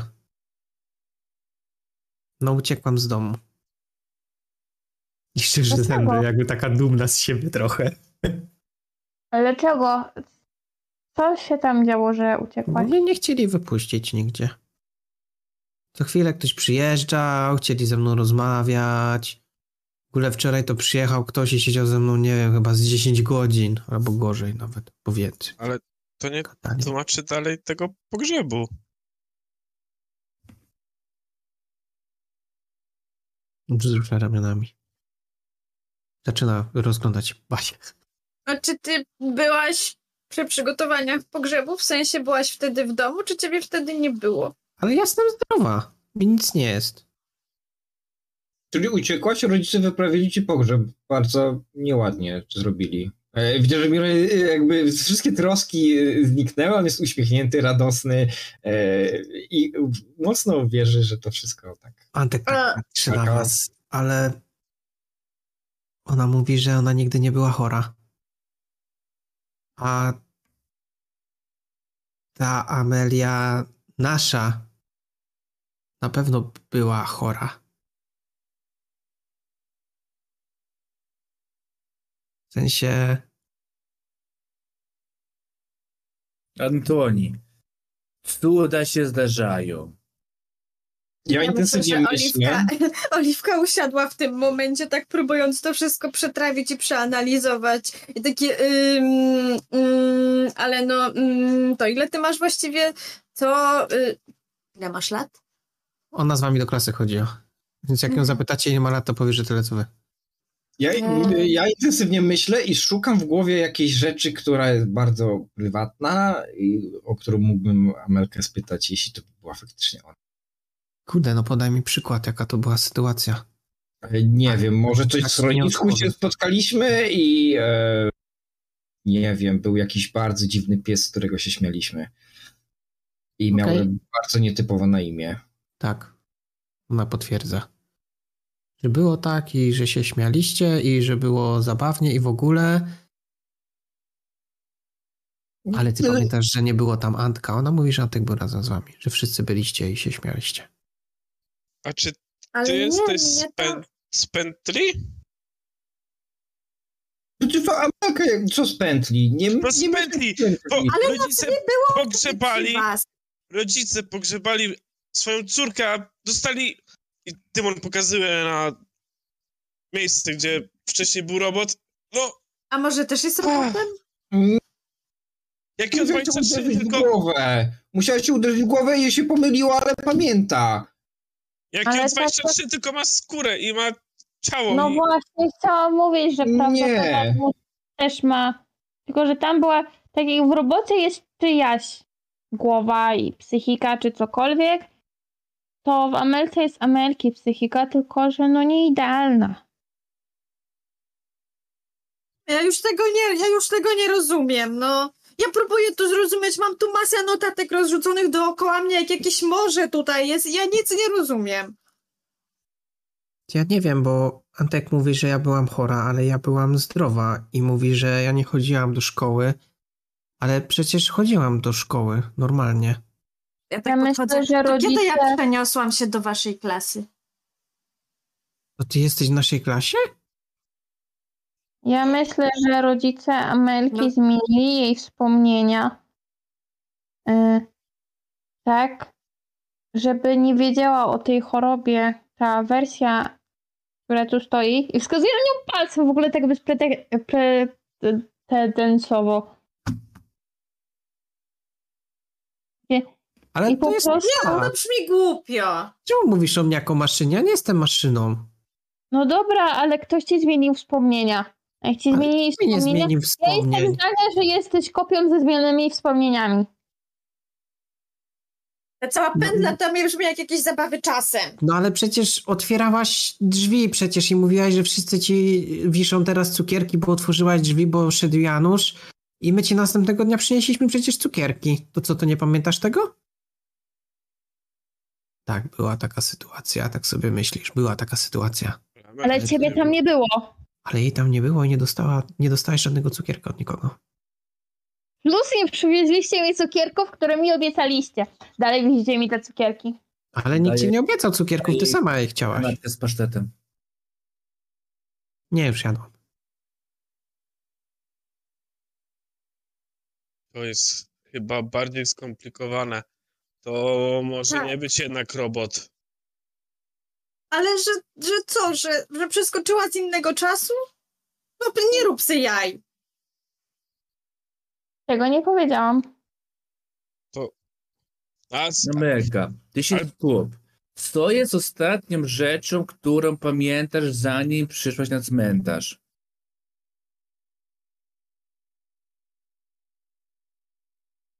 No tak się zafrapowała strasznie.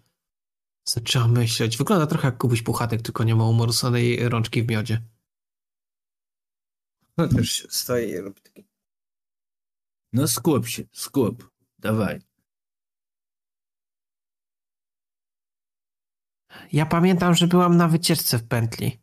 Zresztą wszyscy byliśmy na wycieczce w pętli i gdzieś, e, gdzieś zabłądziłam i wlazłam w jakieś drzwi i coś tam się stało i ostatnie co pamiętam to taką śmieszną kulkę dużą.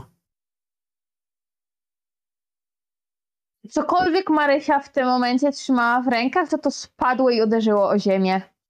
Może to A ja być tak pokazuję kartkę, na której narysowałam. Narysowałam albo ja, albo Marysia, albo ktokolwiek, jak wyglądała ta kulka. Taką kulkę? Jak wyglądało to w środku tego robota? Kulkę taką dużą. Rewitron. z różnych innych kulek, ale ja nie wiem, co to było. Takie śmieszne było, jak to dotknęłam, a później się odwróciłam i. No i poszłam do domu i okazało się, że, że nikogo nie było. Pan strażnik na mnie dziwnie spojrzał i zbladł, i ja poszłam wtedy do domu, ale po drodze przecież jest cmentarz i było bardzo dużo ludzi, no to poszłam na cmentarz i tam. No tam. Ja nie znam żadnej, Byli. nie wiem o żadnej wycieczce do, do pętli. No przecież poszliśmy trzy dni temu. Była jakaś wycieczka do pętli Ale- trzy dni temu, albo może rok temu? Ale burza ciebie nie ma w tamtej klasie. No, no właśnie, no dlatego ja nie, nie wiem o żadnej wycieczce do pętli. Marysia. Ona ciągle powtarza pętla. Nie Przecież mówi nikt, z fabryka nas, robotów. przecież nikt z nas nie powinien wiedzieć o pętli. Ona też nie Nie. powinna wiedzieć o pętli. Ale teraz to już wszyscy wiedzą. Jak to nie wiecie? o Ale- pętli? Przecież mamy pętlę w Czeremszy. A co to jest pętla? No to no- taki, taki... No przecież mi tłumaczyłaś i pokazuję na ciebie, na ciebie, Marysia. Mówiłaś mi, że tam jakieś wynalazki się robi i była mama Antka i ona też nas oprowadzała i Antek stoi za nią i widzicie takie... Przecież my nigdy nie byliśmy w fabryce robotów. Nie wolno tam Przecież nas chodzić. by tam w życiu nie wpuścili. Jakiej No to- fabryki robotów? Przecież normalnie chodzimy na wycieczki dwa razy do roku. A Marysia to No, nawet nie. częściej chodzi z, z tą, z no, Olą? taką koleżanką z Olą. Wy to chodzicie nawet częściej, bo wychodzicie trzy albo cztery razy w roku, bo robicie jakieś prace na konkursy i w ogóle i i, Ol- i no. I czy wasza Ola nie wybucha co chwilę? Oczywiście, że wybucha. Zawsze wybucha. Uff, chociaż tyle. Równowaga w przyrodzie zachowana. Dlatego Pani nie... Kwiat No co pani Kwiat? jest naszym wychowawcą. Zniknęła?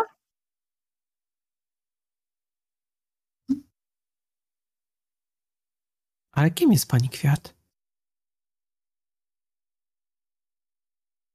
No, taka nauczycielka w szkole. Bardzo sympatyczna. Jako jedyna nie śmieje się z mojego akcentu. Jest? Czy nie ma? Nasza wychowawczyni. się robi taka trochę podenerwowana, bo ona wam tłumaczy, że nie ma kogoś takiego, wy mówicie, że jest, y, pytacie ją ciągle. Ona w pewnym momencie Ej. rzuca, że zaczynacie jak dorośli się zachowywać i oni to nazywali rozmową, ale to bardziej przesłuchanie raczej było. I ona zaczyna się pomału czuć nieswoją i więcej pytań zadajecie. Ona na pewno nie jest. Ja sobie to, to wszystko Tam. notuję i, i rysuję i próbuję to zrozumieć. Marysia się w pewnym wszyscy momencie uspokoić. przestaje zadawać pytania. Ona po prostu siada w rogu i próbuje to jakoś połączyć ze sobą.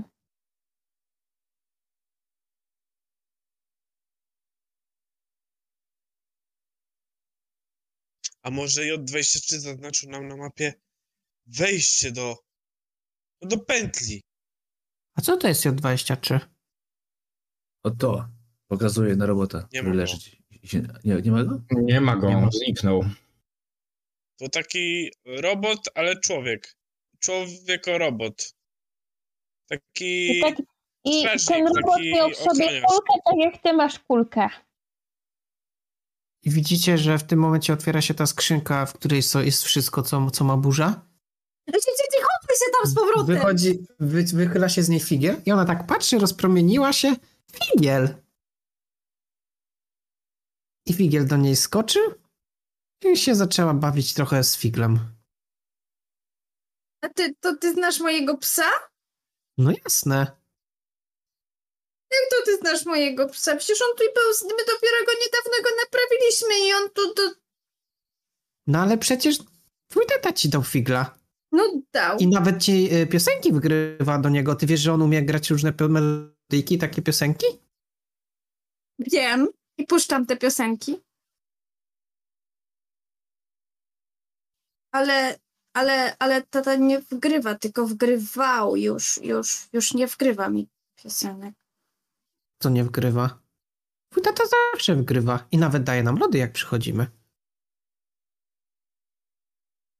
Po prostu w tym momencie to oliwce drżą usta i ale, ale, ale taty nie ma.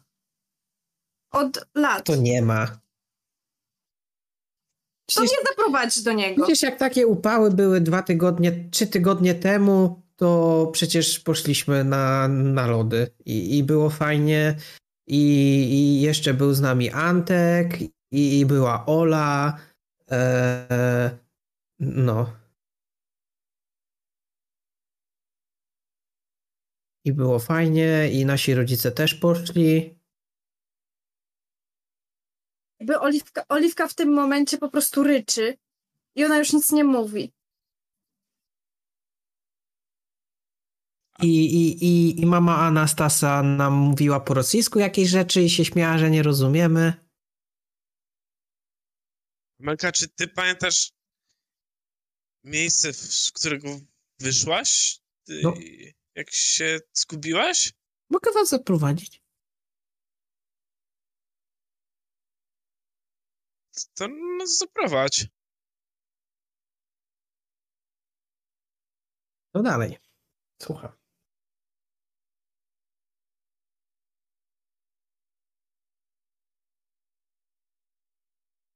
Będziemy Ja chyba myśl- chcieli iść tam. Mm, ale oliwka weźmie figla ze sobą. Jeśli będzie chciał iść. Jakby na ręce go weźmie i, i, i próbuje wyjść z nim. Wiecie, ja to jak tak, to ja się muszę jakoś przebrać, bo, bo jak mnie poznają, to ja się boję, bo wszyscy się na mnie patrzą i, i w ogóle i, i ona taka wyraźnie zakłopotana.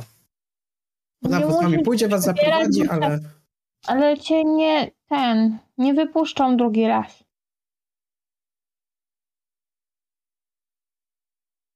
Patrzy na rzeczy. Tymona. Anastasia, co się z tobą dzieje? No, czekam jakby na, na dalszy rozwój wypadków, Hmm? bo e, podoba mi się tam ten drugi świat. Tam moja mama żyje. Więc y, ja bardzo chętnie dam się zaprowadzić przez Amerykę tam.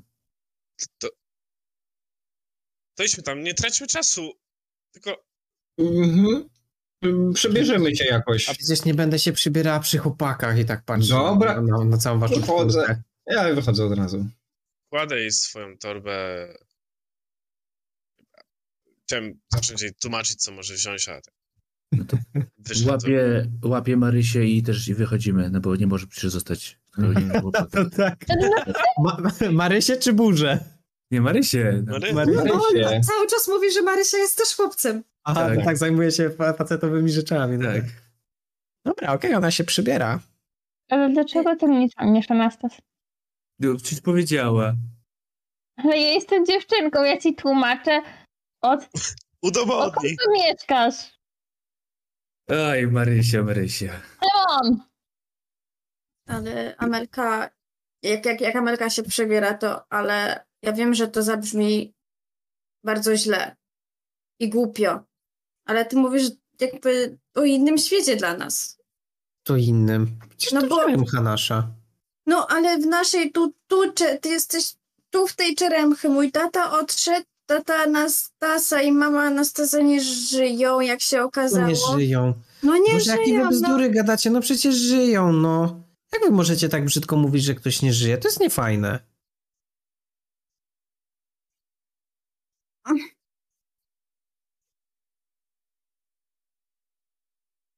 Ja nie wiem, jak mam jej to wytłumaczyć. Biorę Brama? Stróżówka? Stróż w środku? i fabryka robotów za nim. Ogrodzona drutem, u góry drut kolczasty, ostrzeżenia pod napięciem, bla bla bla bla bla. bla. Jesteście z Antkiem i z Emilką. Antek jest przebrany. Znaczy, Emilka jest przebrana. Amelia jest przebrana. Ale nie idźmy tak główną bramą, tylko idźmy tam, gdzie robot nam zaznaczył. Tam jest na pewno drugie wejście. Mhm. Może tam jest y, ukryty tunel. My na niego mówimy pan Drożdżówka. No, Idziemy. Da się przejść koło niego? Za drożdżówkę. No nie, bo później jest jeszcze jedna brama, a potem jeszcze jedna. Dlatego idźmy od boku. Tam, Jak to my? No bo jesteśmy razem, nie? I tak niepewnie się rozgląda po wszystkich. Po całej siódemce. No szóstce wobec niej. Do Oliwki nadal nie dociera, że ona mówi o innym świecie, jakby... Mm. Już się zamyka. To jak ty tutaj się dostałaś, skoro No. tyle jest zabezpieczeń? No wyszłam. Po prostu? No, no tak.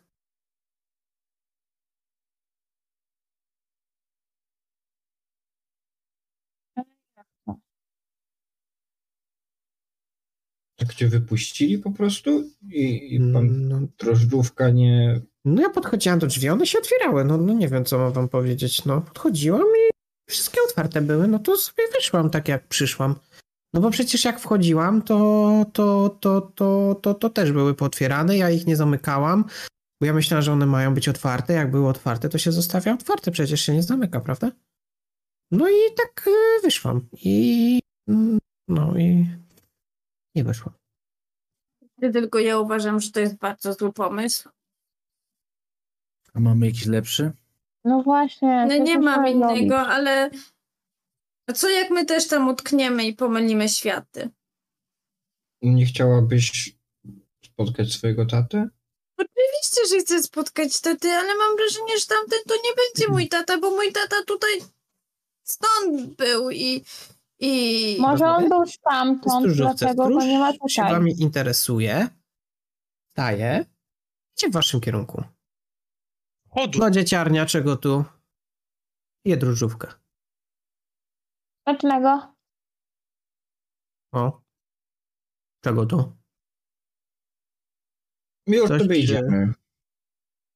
No, ja myślę. Idźcie, idźcie, do domu.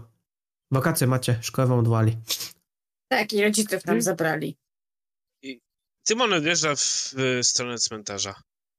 I pamiętacie, Amelka mówiła, że jak wyszła, to przychodziła koło cmentarza. I pokazuje na mapie wam. Wyszła z fabryki jest- robotów i szła do domu, ale po drodze jest też cmentarz, bo szła ulicą długą i tam było dużo ludzi i była zainteresowana i tam poszła. Czyli myślisz, że ona z tym, tym miejscu, gdzie ten X robot zaznaczył, tak? A może u nich pętla jest troszkę w innym miejscu? Nie, powinniśmy pójść tam, gdzie robot zaznaczył. Jedźmy tam. naokoło. Tak, też tak myślę, że tam, gdzie robot pokazał. Czyli jedziemy wzdłuż torów do tej drogi. A, bo jeszcze tu jest cmentarz. To stronę tego cmentarza, a później... Aha, bo ja nie widziałem tego drugiego cmentarza. Nie, do cmentarza jest kilka. Żeby się tam dostać, każdy z was musi zdać mi test skradania. Czy można jakoś pomagać komuś? Tak, można, współ- sukcesy są wspólne, bo jest dużo różnego rodzaju służb i tak dalej i trzeba po prostu zdać, żeby nie mieć przypału.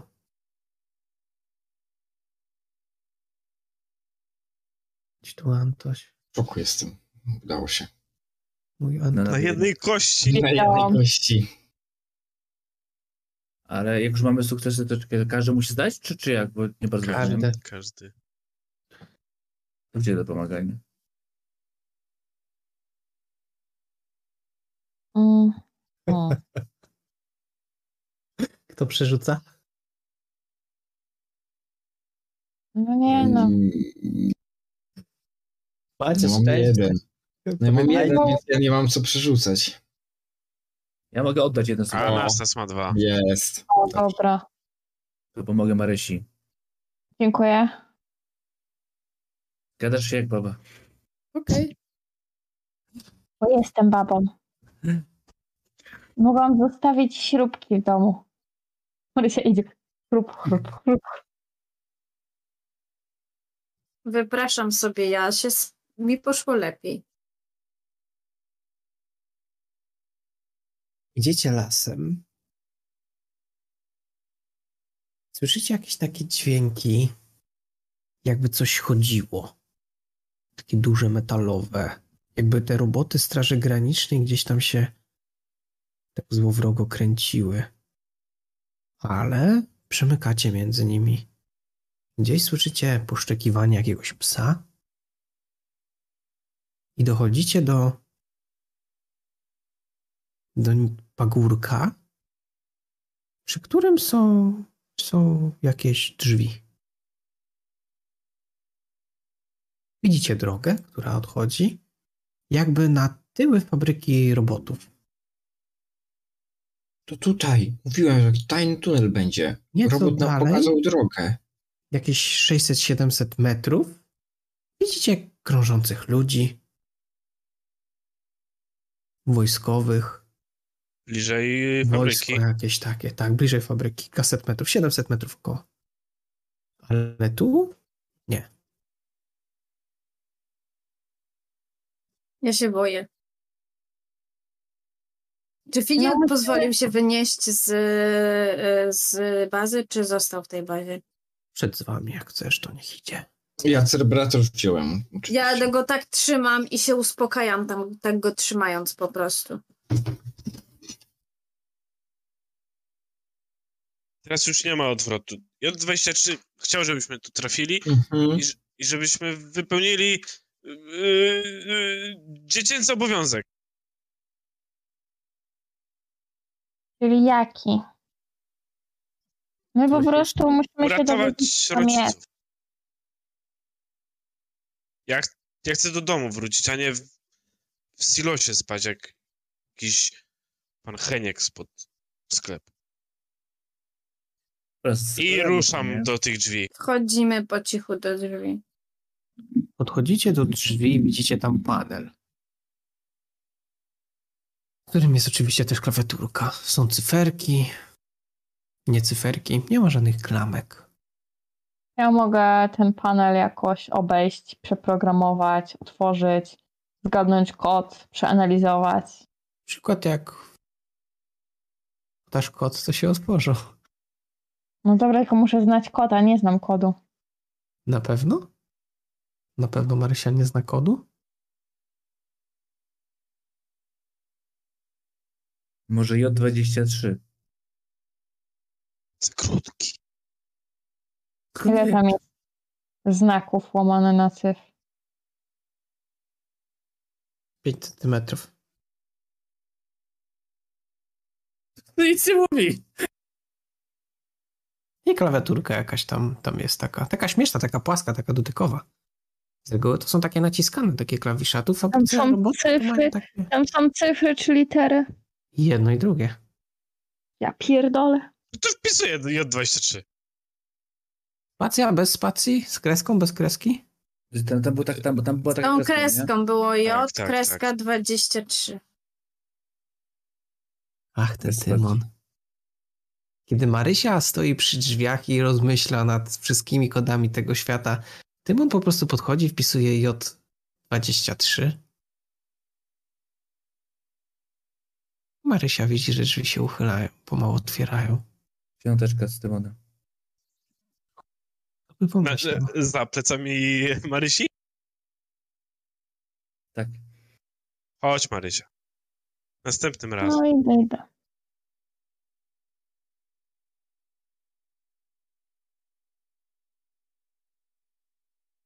A To to Tymon za wchodzi, mie- wie jako Co to pierwszy. jest za miejsce? Amelia pyta. No, prowadzimy cię do, do, do tego pomieszczenia, tylko zna, z, znamy skrót. Mhm. Aha. Gdyby pan drożdżówka się nie denerwował. No, Nie wchodziłaś tędy nigdy? Nie? No to, Zawsze musi być ten pierwszy raz. to uznajmy to za taką przygodę. Na ramię Antka wspina się Gekon i zapalają mu się światełka. Malutki gekonik taki, może ma nie z 15 centymetrów na ramię mu wchodzi, zapalają się światełka i świeci. O, zabrałeś latarkę. To nie jest latarka, to gekon. Mm, No widzę przecież, ale świeci, więc latarka.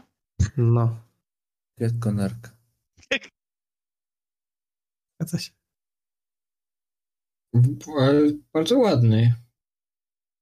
Wchodzimy i zamykamy za sobą drzwi.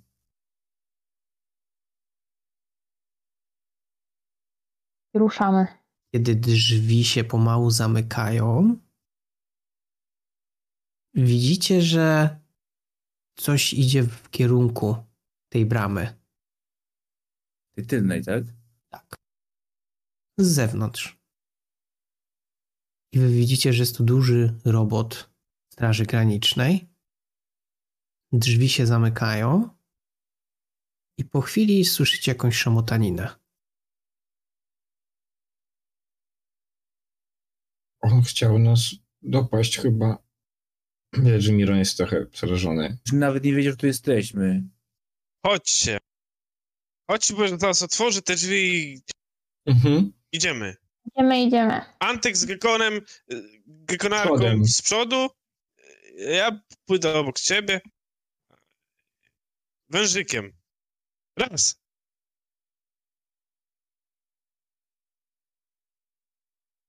Idziemy. Ja tak Żyć- idę z tyłu pierwszy Myśl. raz. Na śledztwo mi rzućcie. To chce mi rzucić na śledztwo, żeby zdobyć kilka wskazówek. To może ja skoro śledzę tak w tym odcinku. To śledź. To śledź. Śledź. Wszyscy możecie śle- śledziować, pomagać Śledzić, sobie nawzajem przy U, ładnie wyśledziłam. Bo ja mam aż siedem też. Dwa. Ja też rzucę. Oliwia, masz dziwne przeczucie, że od wejścia jesteście ciągle obserwowani, że kamery jakby podążają za waszym krokiem, że tutaj są takie urządzenia, które się przekręcają, was jakby śledzą. Ej, I trochę podejrzane jest to, że wszystkie drzwi, które mijacie, są otwarte, uchylone, oparte o karton. Widzicie warstewkę kurzu na ziemi, na której zostawiam wasze odciski butów. nie, ja A myślę, wygląda jakby to było kompletnie opuszczone od dawna pomieszczenie i tylko to przeczucie towarzyszy. Może nie tylko Marysi. Oliwii. Oliwii, przepraszam. E, Ej, tak coś, coś, coś nas obserwuje tutaj. I tak Mhm. odwracam się i próbuję wypatrzeć to coś, co tak się odwraca i patrzy za nami. To jest taka mała kamerka.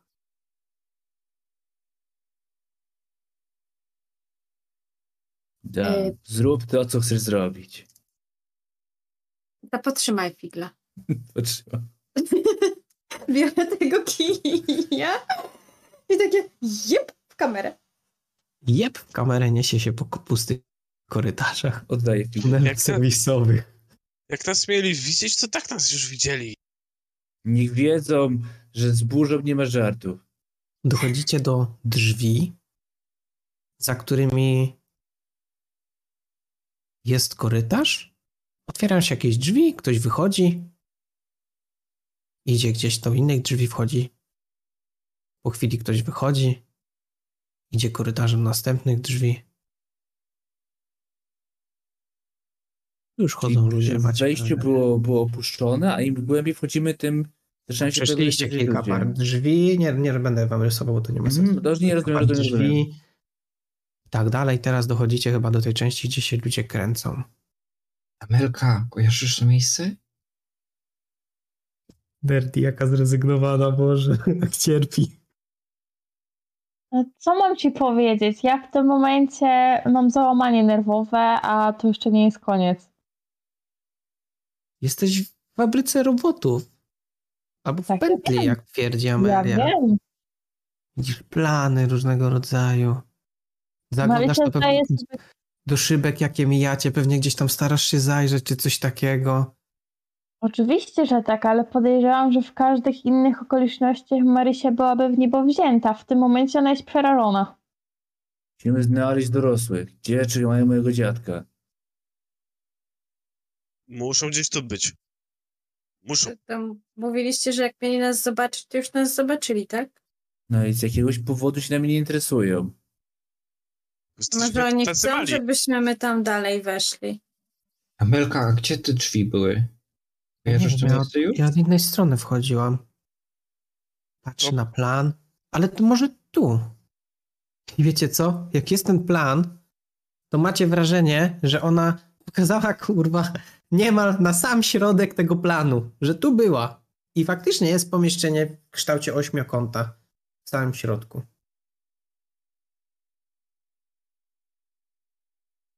Tam na pewno byłam i szłam tędy i pokazuję wam tu, tu, tu, tu i faktycznie pokazuję wam drogę tam.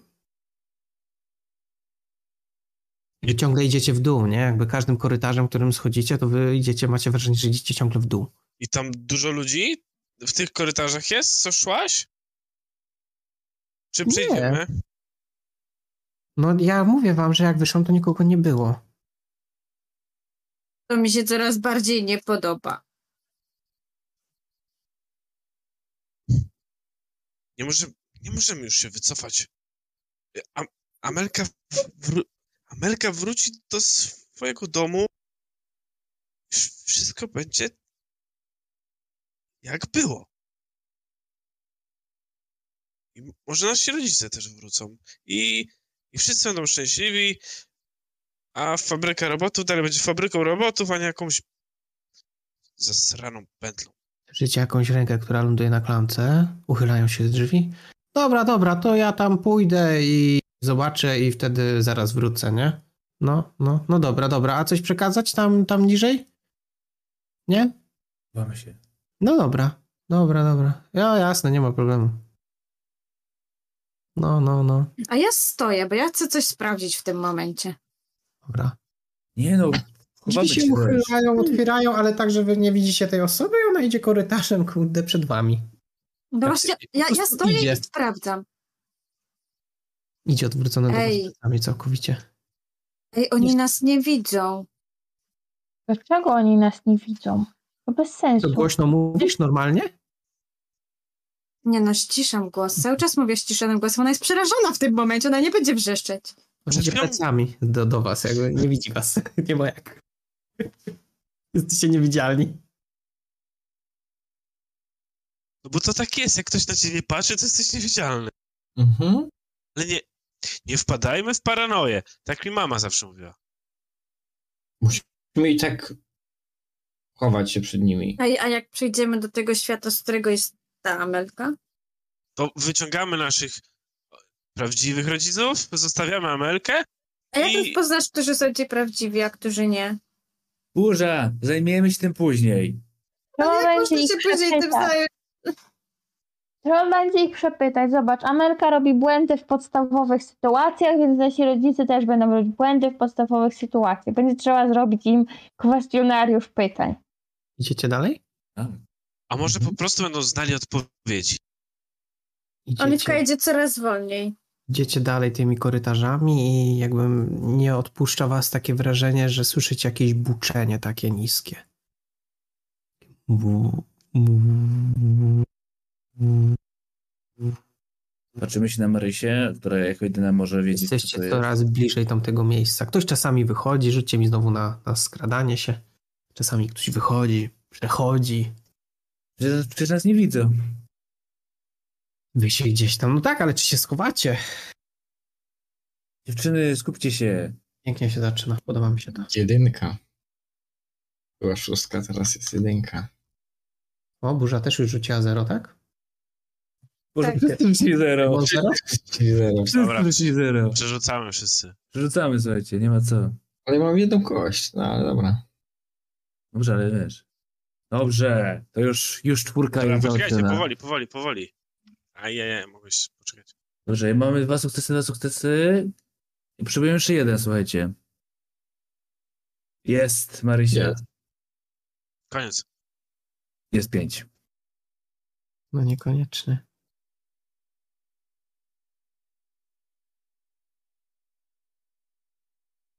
Dobra, chyba musi jeszcze burza przerzucić. Idziecie korytarzami dalej.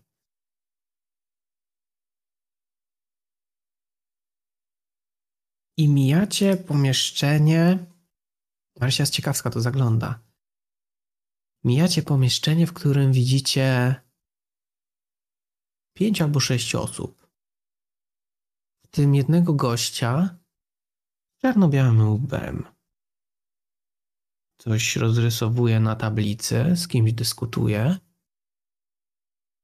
I Marysia, ty widzisz, że to są twoi rodzice. Stoją z założonymi rękoma pod pachę. Coś mówią. Nic nie słyszycie.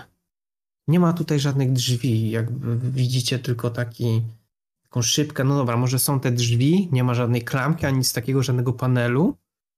Tak trochę jak to jak w więzieniu trochę jakby wyglądało. Nie widzisz tam swoich rodziców w środku. Amelka się odwraca, na was patrzy i mówi, no chodźcie, no, no chodźcie. No nasi rodzice, moi rodzice tutaj są. Tam są tylko moi rodzice i Agata? Z 5-6 osób. O pewnym momencie podchodzi do jakichś innych drzwi w głąb pomieszczenia, otwiera je, pokazuje gestem zapraszającym. A, czyli nie są zamknięci. Są w pomieszczeniu. Zeszły No dobra. jakąś taką. Ale przechodzą dalej, tak? Tak, dalej idą w głąb. Dobra, to nie są zamknięci. Wszyscy wychodzą, którzy tam byli. 5 czy 6 osób. Może Amelia się- was ciągnie dalej, Antek zaczyna trochę wątpić. Nie rozumiem. Razem z Oliwką. Oni się tu może ukryli w fabryce robotów. Bez sensu.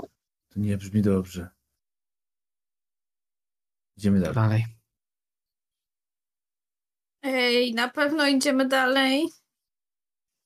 A co zawrócisz? No przepraszam, ale ja się boję iść dalej. No co my tam spotkamy? Kogo? No dobra, ale jak wrócimy do domów, to nie znajdziemy tak rodziców. Tobie łatwo powiedzieć, bo twoja mama nie została zabrana w furgonet. Otwierają się drzwi gdzieś tam za wami, macie wrażenie, że korytarz dalej. Dobra, dobra, to ja to zaniosę temu Anucikowi, nie? Słyszycie kroki w waszym kierunku, które idą za kolejnego korytarza. O Jezu. Antek patrzy nieco spanikowany. Yy, a Amelia mówi, że ta tam zaraz to, to, to jest. No to idziemy za Melią.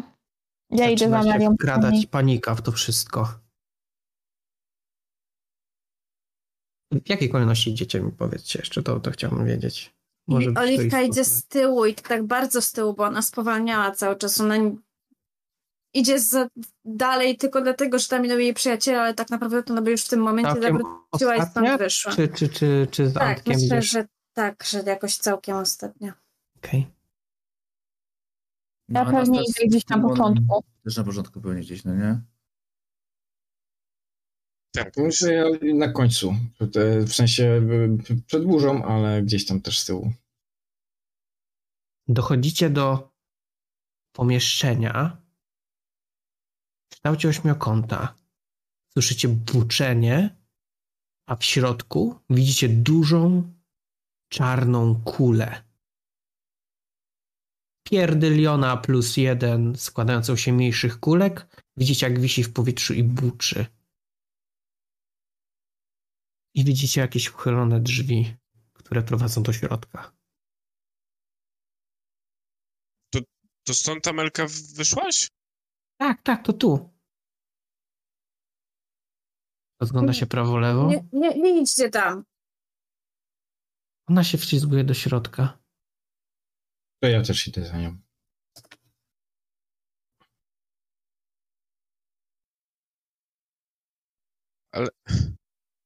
Tymon się zatrzymał, ty. Tymon się zatrzymał, bo E, przed chwilą słyszał też. w korytarzu e, jednak nazwisko swojego Marysia widziała brata, ojca i rodziców, nie więc, wie e, właśnie, czy... Więc yy, dotknięcie tych dziwnych kulek przeniesie ich Znaczy, nie to wiadomo gdzie. jest dość duże, tam można wejść, łazić w koło tego. Nie ma Nie, ja nie problemu. chcę- To jest jakieś tam 5 czy 6 metrów no, do tej kuli. Ta kula jest na samym środku jakby tylko. Ja czekam na zewnątrz. Patrzę, patrzę, co się dzieje, jakby patrzę przez szybkę czy cokolwiek.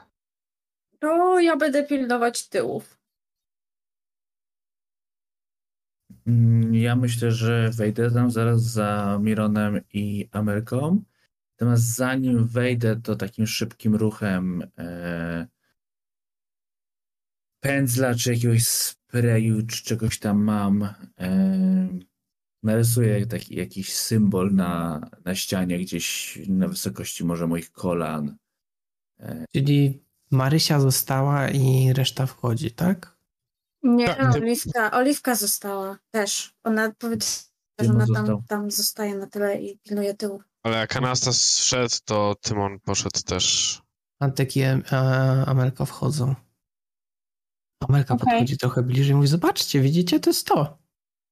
Nie uczyli was o tym w szkole? Przecież przecież nas uczyli. Się to zmieszała jest. trochę. To jest, to jest to Ameryka. No jak to co? To przecież grawitron. Co, Ta co, pętla ma swój grawitron, nie wiedzieliście o tym? Przecież mówiła nam mama Antka na, na robotyce. I, I była też mama Marysi i też nam to mówiła. To prąd daje? Nie wiem. Oni też nie wiedzą w sumie. Skąd to się tu wzięło? Patrzy na, na, na burzę i na Marysię. A wy nie wchodzicie? Eee, Powiedzieli, że tego nie można dotykać generalnie. Ale ja dotknęłam i nic się chyba nie stało. no właśnie dużo się stało, bo właśnie chwilę temu przyznałaś się do tego, że was uczono, a nas nie. My nie wiemy, co to jest w ogóle. Widzę to jakby tak z pięciu metrów do siebie gadacie. To jest jak Nie, jakby w, tam. w sensie burza wyłapała, że ona powiedziała, nas uczono, a was nie. Słyszycie buczenie? nie tak? tykaj. Mm. Ja na co się zbliżę do tego. E, jak krzyczę, nie dotykać. Antek wpada do ciebie i mówi, no co ty, nie dotykaj tego, a jeżeli tam coś jest nie tak z tym? To jeżeli ktoś to ma dotknąć, to najlepiej, żeby to był ja. Ba, do czego ty?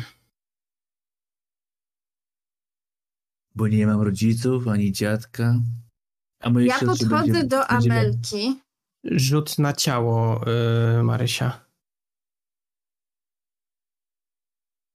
Na samo ciało? Samo ciało.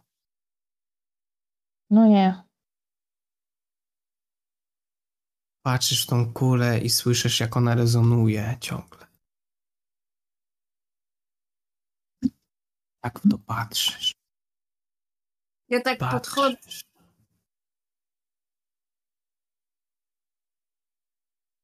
No? Mów, mów. Ja chcę podejść bliżej do Amelki. Powiedziałaś, nas uczono, a was nie. Ty doskonale wiesz, że my nie jesteśmy od ciebie, a ty nie jesteś od nas. No ale. I ona faktycznie. Widzisz, że jest zmieszana. I ona faktycznie jest kompletnie zbita z tropu. Ale to przecież, ale my w sensie, że. y, Amelka, I ona zaczyna się trząść trochę i widzisz, że zaczyna panikować. nie dotykajcie tego. Ja próbuję, ja przytaczam jej wiersz z pamięci, żeby zobaczyć jej reakcję na ten wiersz.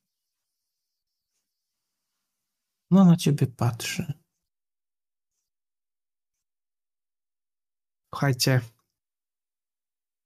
Posłuchajcie, os- jak wyglądała ostatnia scena, w której dzisiaj skończymy. Marysia stoi za szybą i ciągle patrzy w tą kulę i coś w niej pęka. Kiedy patrzysz w tą kulę, złożoną z miliona chyba innych kul, zdajesz sobie nagle sprawę, że to jest na pewno grawitron i że już go kiedyś widziałaś. Robisz kilka kroków naprzód, dochodzisz do, tych, do, do wejścia i stajesz w nim. i opada tobie kopara. Dlatego, że masz wrażenie, że patrząc na te wszystkie kule, jakby ten grawitron był bliżej ciebie i na powierzchni jednej z tych kul widzisz sceny z autokuru. Uciekającego przez las robota, bunkier, Agatona, ale innego niż tego tutaj, tamtego na motorze. Widzisz cudowny pokaz świetlików nad jeziorem, zatrzymany świat, płaczącą przyjaciółkę, dziennik aptekarki, w której przeczytaliście, jak wyglądało jej dzieciństwo, kopułę, ześlizgujące się po powierzchni krople deszczu, jak przeźroczysta ściana, no i robota na jeziorze. Widzisz małe do niczego niepodobne stworzonko, rozpadające się kwadraty nad głowami? Słyszysz wybuch. Nagle jesteś gdzie indziej, stoisz przed domem Markowskim. Przed domem Markowskich. Widzisz mały sześcienny chowany do kieszeni kwadrat, tańczące płatki śniegu i drzwi, które się za tobą zamykają. I to jest moment, w którym zdajesz sobie sprawę, że ty nie jesteś stąd.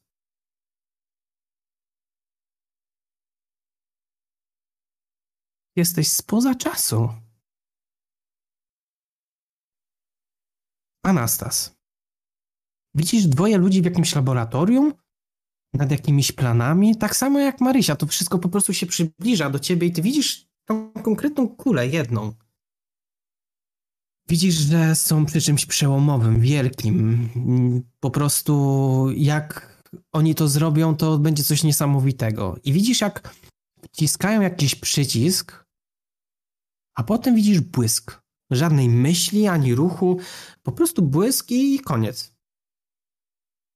Następnie widzisz płaczącą Annę, tą z bunkra, w ramionach swojego dziadka i malutkiego siebie z Larysą w pokoju, za uchylonymi drzwiami. Bawisz się z nią zabawkami. Dziadek ściąga z półki zdjęcie, na którym jest w towarzystwie dwóch kobiet. Anny i tej z laboratorium. Podpisem z okazji Dnia Ojca. 1982 rok. Jego dwa promienie słońca. I daje je Annie. I ty sobie zdajesz sprawę, że Anna jest siostrą twojej mamy, ale ty jej nie pamiętasz, bo byłeś zbyt mały, żeby ją pamiętać. To jest zdjęcie, z którego istnienia nie zdawałeś sobie w ogóle sprawy. Miron. Widzisz biegnącego przez las mężczyznę, który ucieka ile sił w nogach. Nagle dopada go pies, który go gryzie, a następnie dopadają go ludzie z rogiem interwizu na mundurach. Czujesz jego strach i rozpacz. Tęskni, ewidentnie tęskni, widzisz go w jakimś pomieszczeniu. Chce zobaczyć swoich bliskich jeszcze raz, ale on wie i rozumie, że to koniec. Dał się złapać i teraz pozostaje mu tylko czekać na nieuniknione. I on wie, co się z nim stanie. Widzisz też Antoninę Morg, która puka do drzwi domu twojej mamy i wyręcza jej jakąś paczkę. Jest zima. Początek zimy, masz takie wrażenie. Stanęły ci po prostu aż gęsią skórkę masz. Antonina Morg ma smutną minę, a twoja mama wygląda jakby była trochę zszokowana. Antonina coś jej daje ją teteczkę, przytura ją i mówi jej coś na ucho. I ty sobie zdajesz sprawę, że tego dnia się dowiedziała tego, co ty się dowiedziałeś blisko pół roku później. Tymon. Ty z kolei widzisz scenę, gdzie widzisz dziadka Anastasa, Annę, tą z bunkra, Dimitriego, leśniczego, Antoninę Morg, rodziców Marysi, czyli Piotra i Sabinę, swojego brata, swojego tatę oraz tatę Mirona.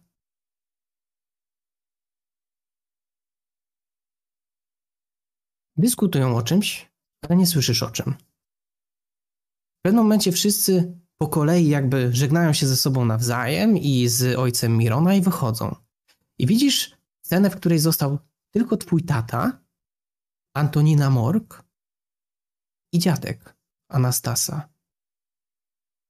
Twój tata się odwraca przed wyjściem, patrzy na nich i mówi: Na każdej wojnie są ofiary, prawda, pułkowniku?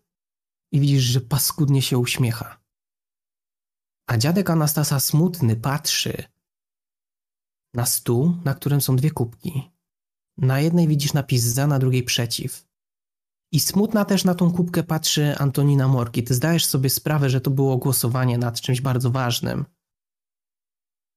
Jak sięgasz myślą do tego, co powiedział twój tata, to wychodzi na to, że Gawenda miał pojechać po J23 i masz wrażenie, że to było nad tym głosowanie. Są dwa głosy przeciw.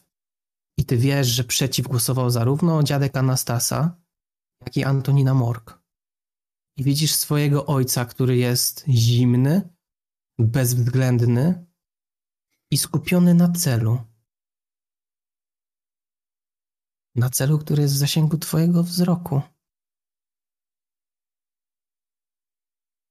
Livia.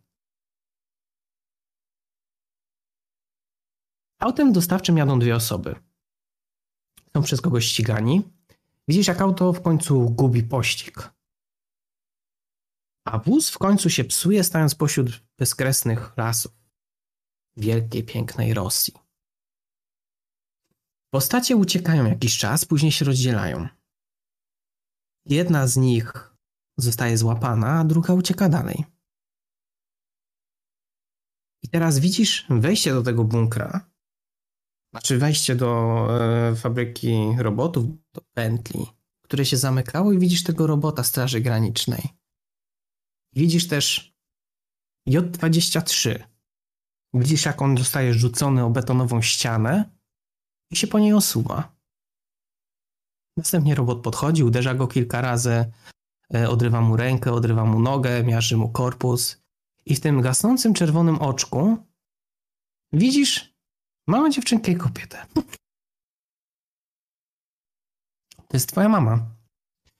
Widzisz konstruowanego figla którego daje tobie, a potem coś się dzieje. Patrzę na niego jakiś chłopak, około 25 lat. I mówi do niego bardzo smutno: Cześć, tato. To ja, Antek. Poznajesz mnie? Na jego piersi na tabliczce napisane jest Agaton Milczewski. I tak, on go poznał, ale nie zapomniał. Czuł bardzo dużą wdzięczność, bo może zrobić coś, na co nie miał czasu. Widzisz następną scenę. I to jest scena, którą widzi także Antek. Antonina wraca do domu, wyciąga pewien album i są tam zdjęcia jest pewnym mężczyzną. Pamiętasz te zdjęcia? To są zdjęcia, które ty znalazłaś przeszukując dom. Widzisz tam e, zdjęcie z rodzicami Anastasa w mundurach Interfizu, zdjęcie z rodzicami Marysi na jakiejś konferencji naukowej w Stanach. Jest tam też wspólne zdjęcie z Benjaminem oraz Anastazją. I ty masz poczucie, że to jest zdjęcie robione wtedy, kiedy życie było jeszcze prostsze i łatwiejsze. Widzisz, jak siada koło niej twoja mama.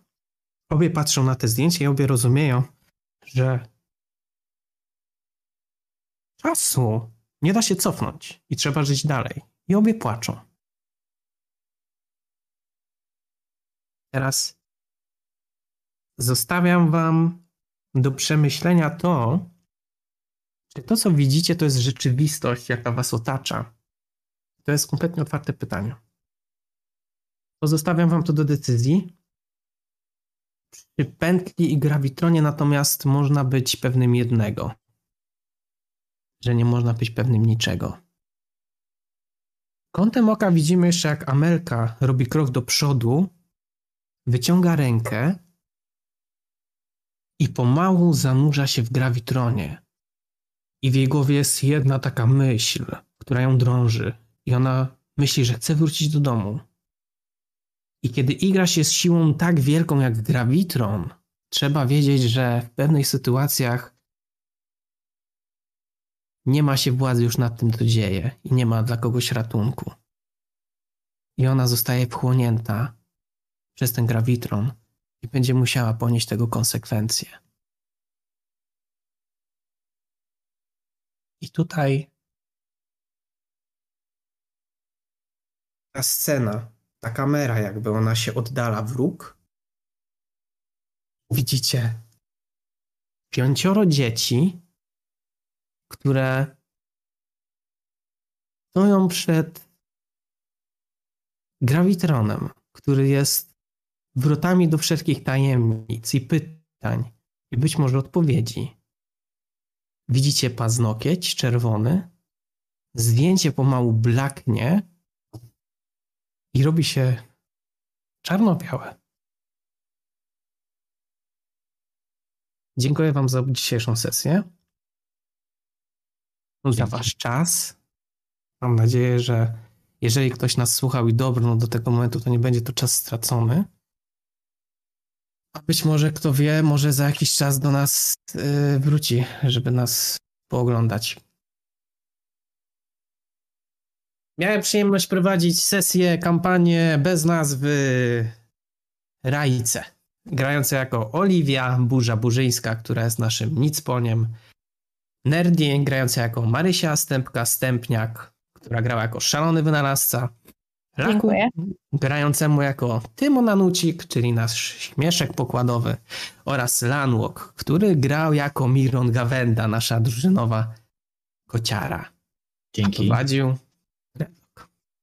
Zapomniałeś o Anastasie. Ja też, ja też grałem z O wami. Boże, Janastos, przepraszam. Nixos. Tak zawsze jest, bo jest w mniejszości narodowej. Tak, tolerancja. Jeszcze Nixos, który grał jako Anastas Karpowicz, nasz artysta. I w końcu mój, mój problem się pojawi, nie, mój, tak, mój problem się pojawił na samym końcu kampanii. Po zakończeniu kampanii tak naprawdę. Doskonale. Jeszcze jedno. Nikt nie wie, czym dokładnie jest pętla oraz co potrafi. Jest wielką zagadką. Niezależnie jak blisko jej tajemnic się stoi, wiadomo jedno. Pętla jest bardzo potężną siłą.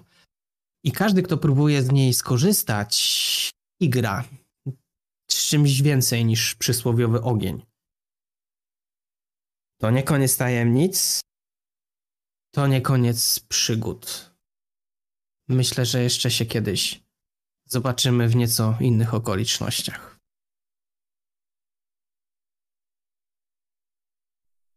To już. Każda historia dobiega końca i żeby pójść dalej, zawsze trzeba zakończyć pewien etap.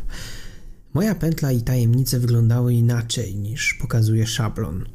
Nie korzystałem przy tym z masy mechanik, nie trzymałem się wytycznych ani struktury zawartych w podręczniku i szczerze nie żałuję. Dla tej historii było warto. Teraz, mimo kilkumiesięcznej już przerwy od tamtej finałowej sesji, zaczyna mnie pomału ciągnąć w kierunku Czeremszy, no i obozu na moczarach, jak i jeziora tuż za Czeremchą. Jest tam o wiele więcej tajemnic niż mogłoby się nam wydawać. Może chcielibyście się wybrać ze mną do Czeremszy? Jestem na Discordzie Rzucaj Nie Gadaj. Znaleźć mnie nie trudno i bardzo chętnie pokażę wam kolejną tajemnicę. A i jeszcze jedno. To nie tak, że to fikcja. W końcu po tej stronie wyobraźni Grawitron naprawdę istnieje.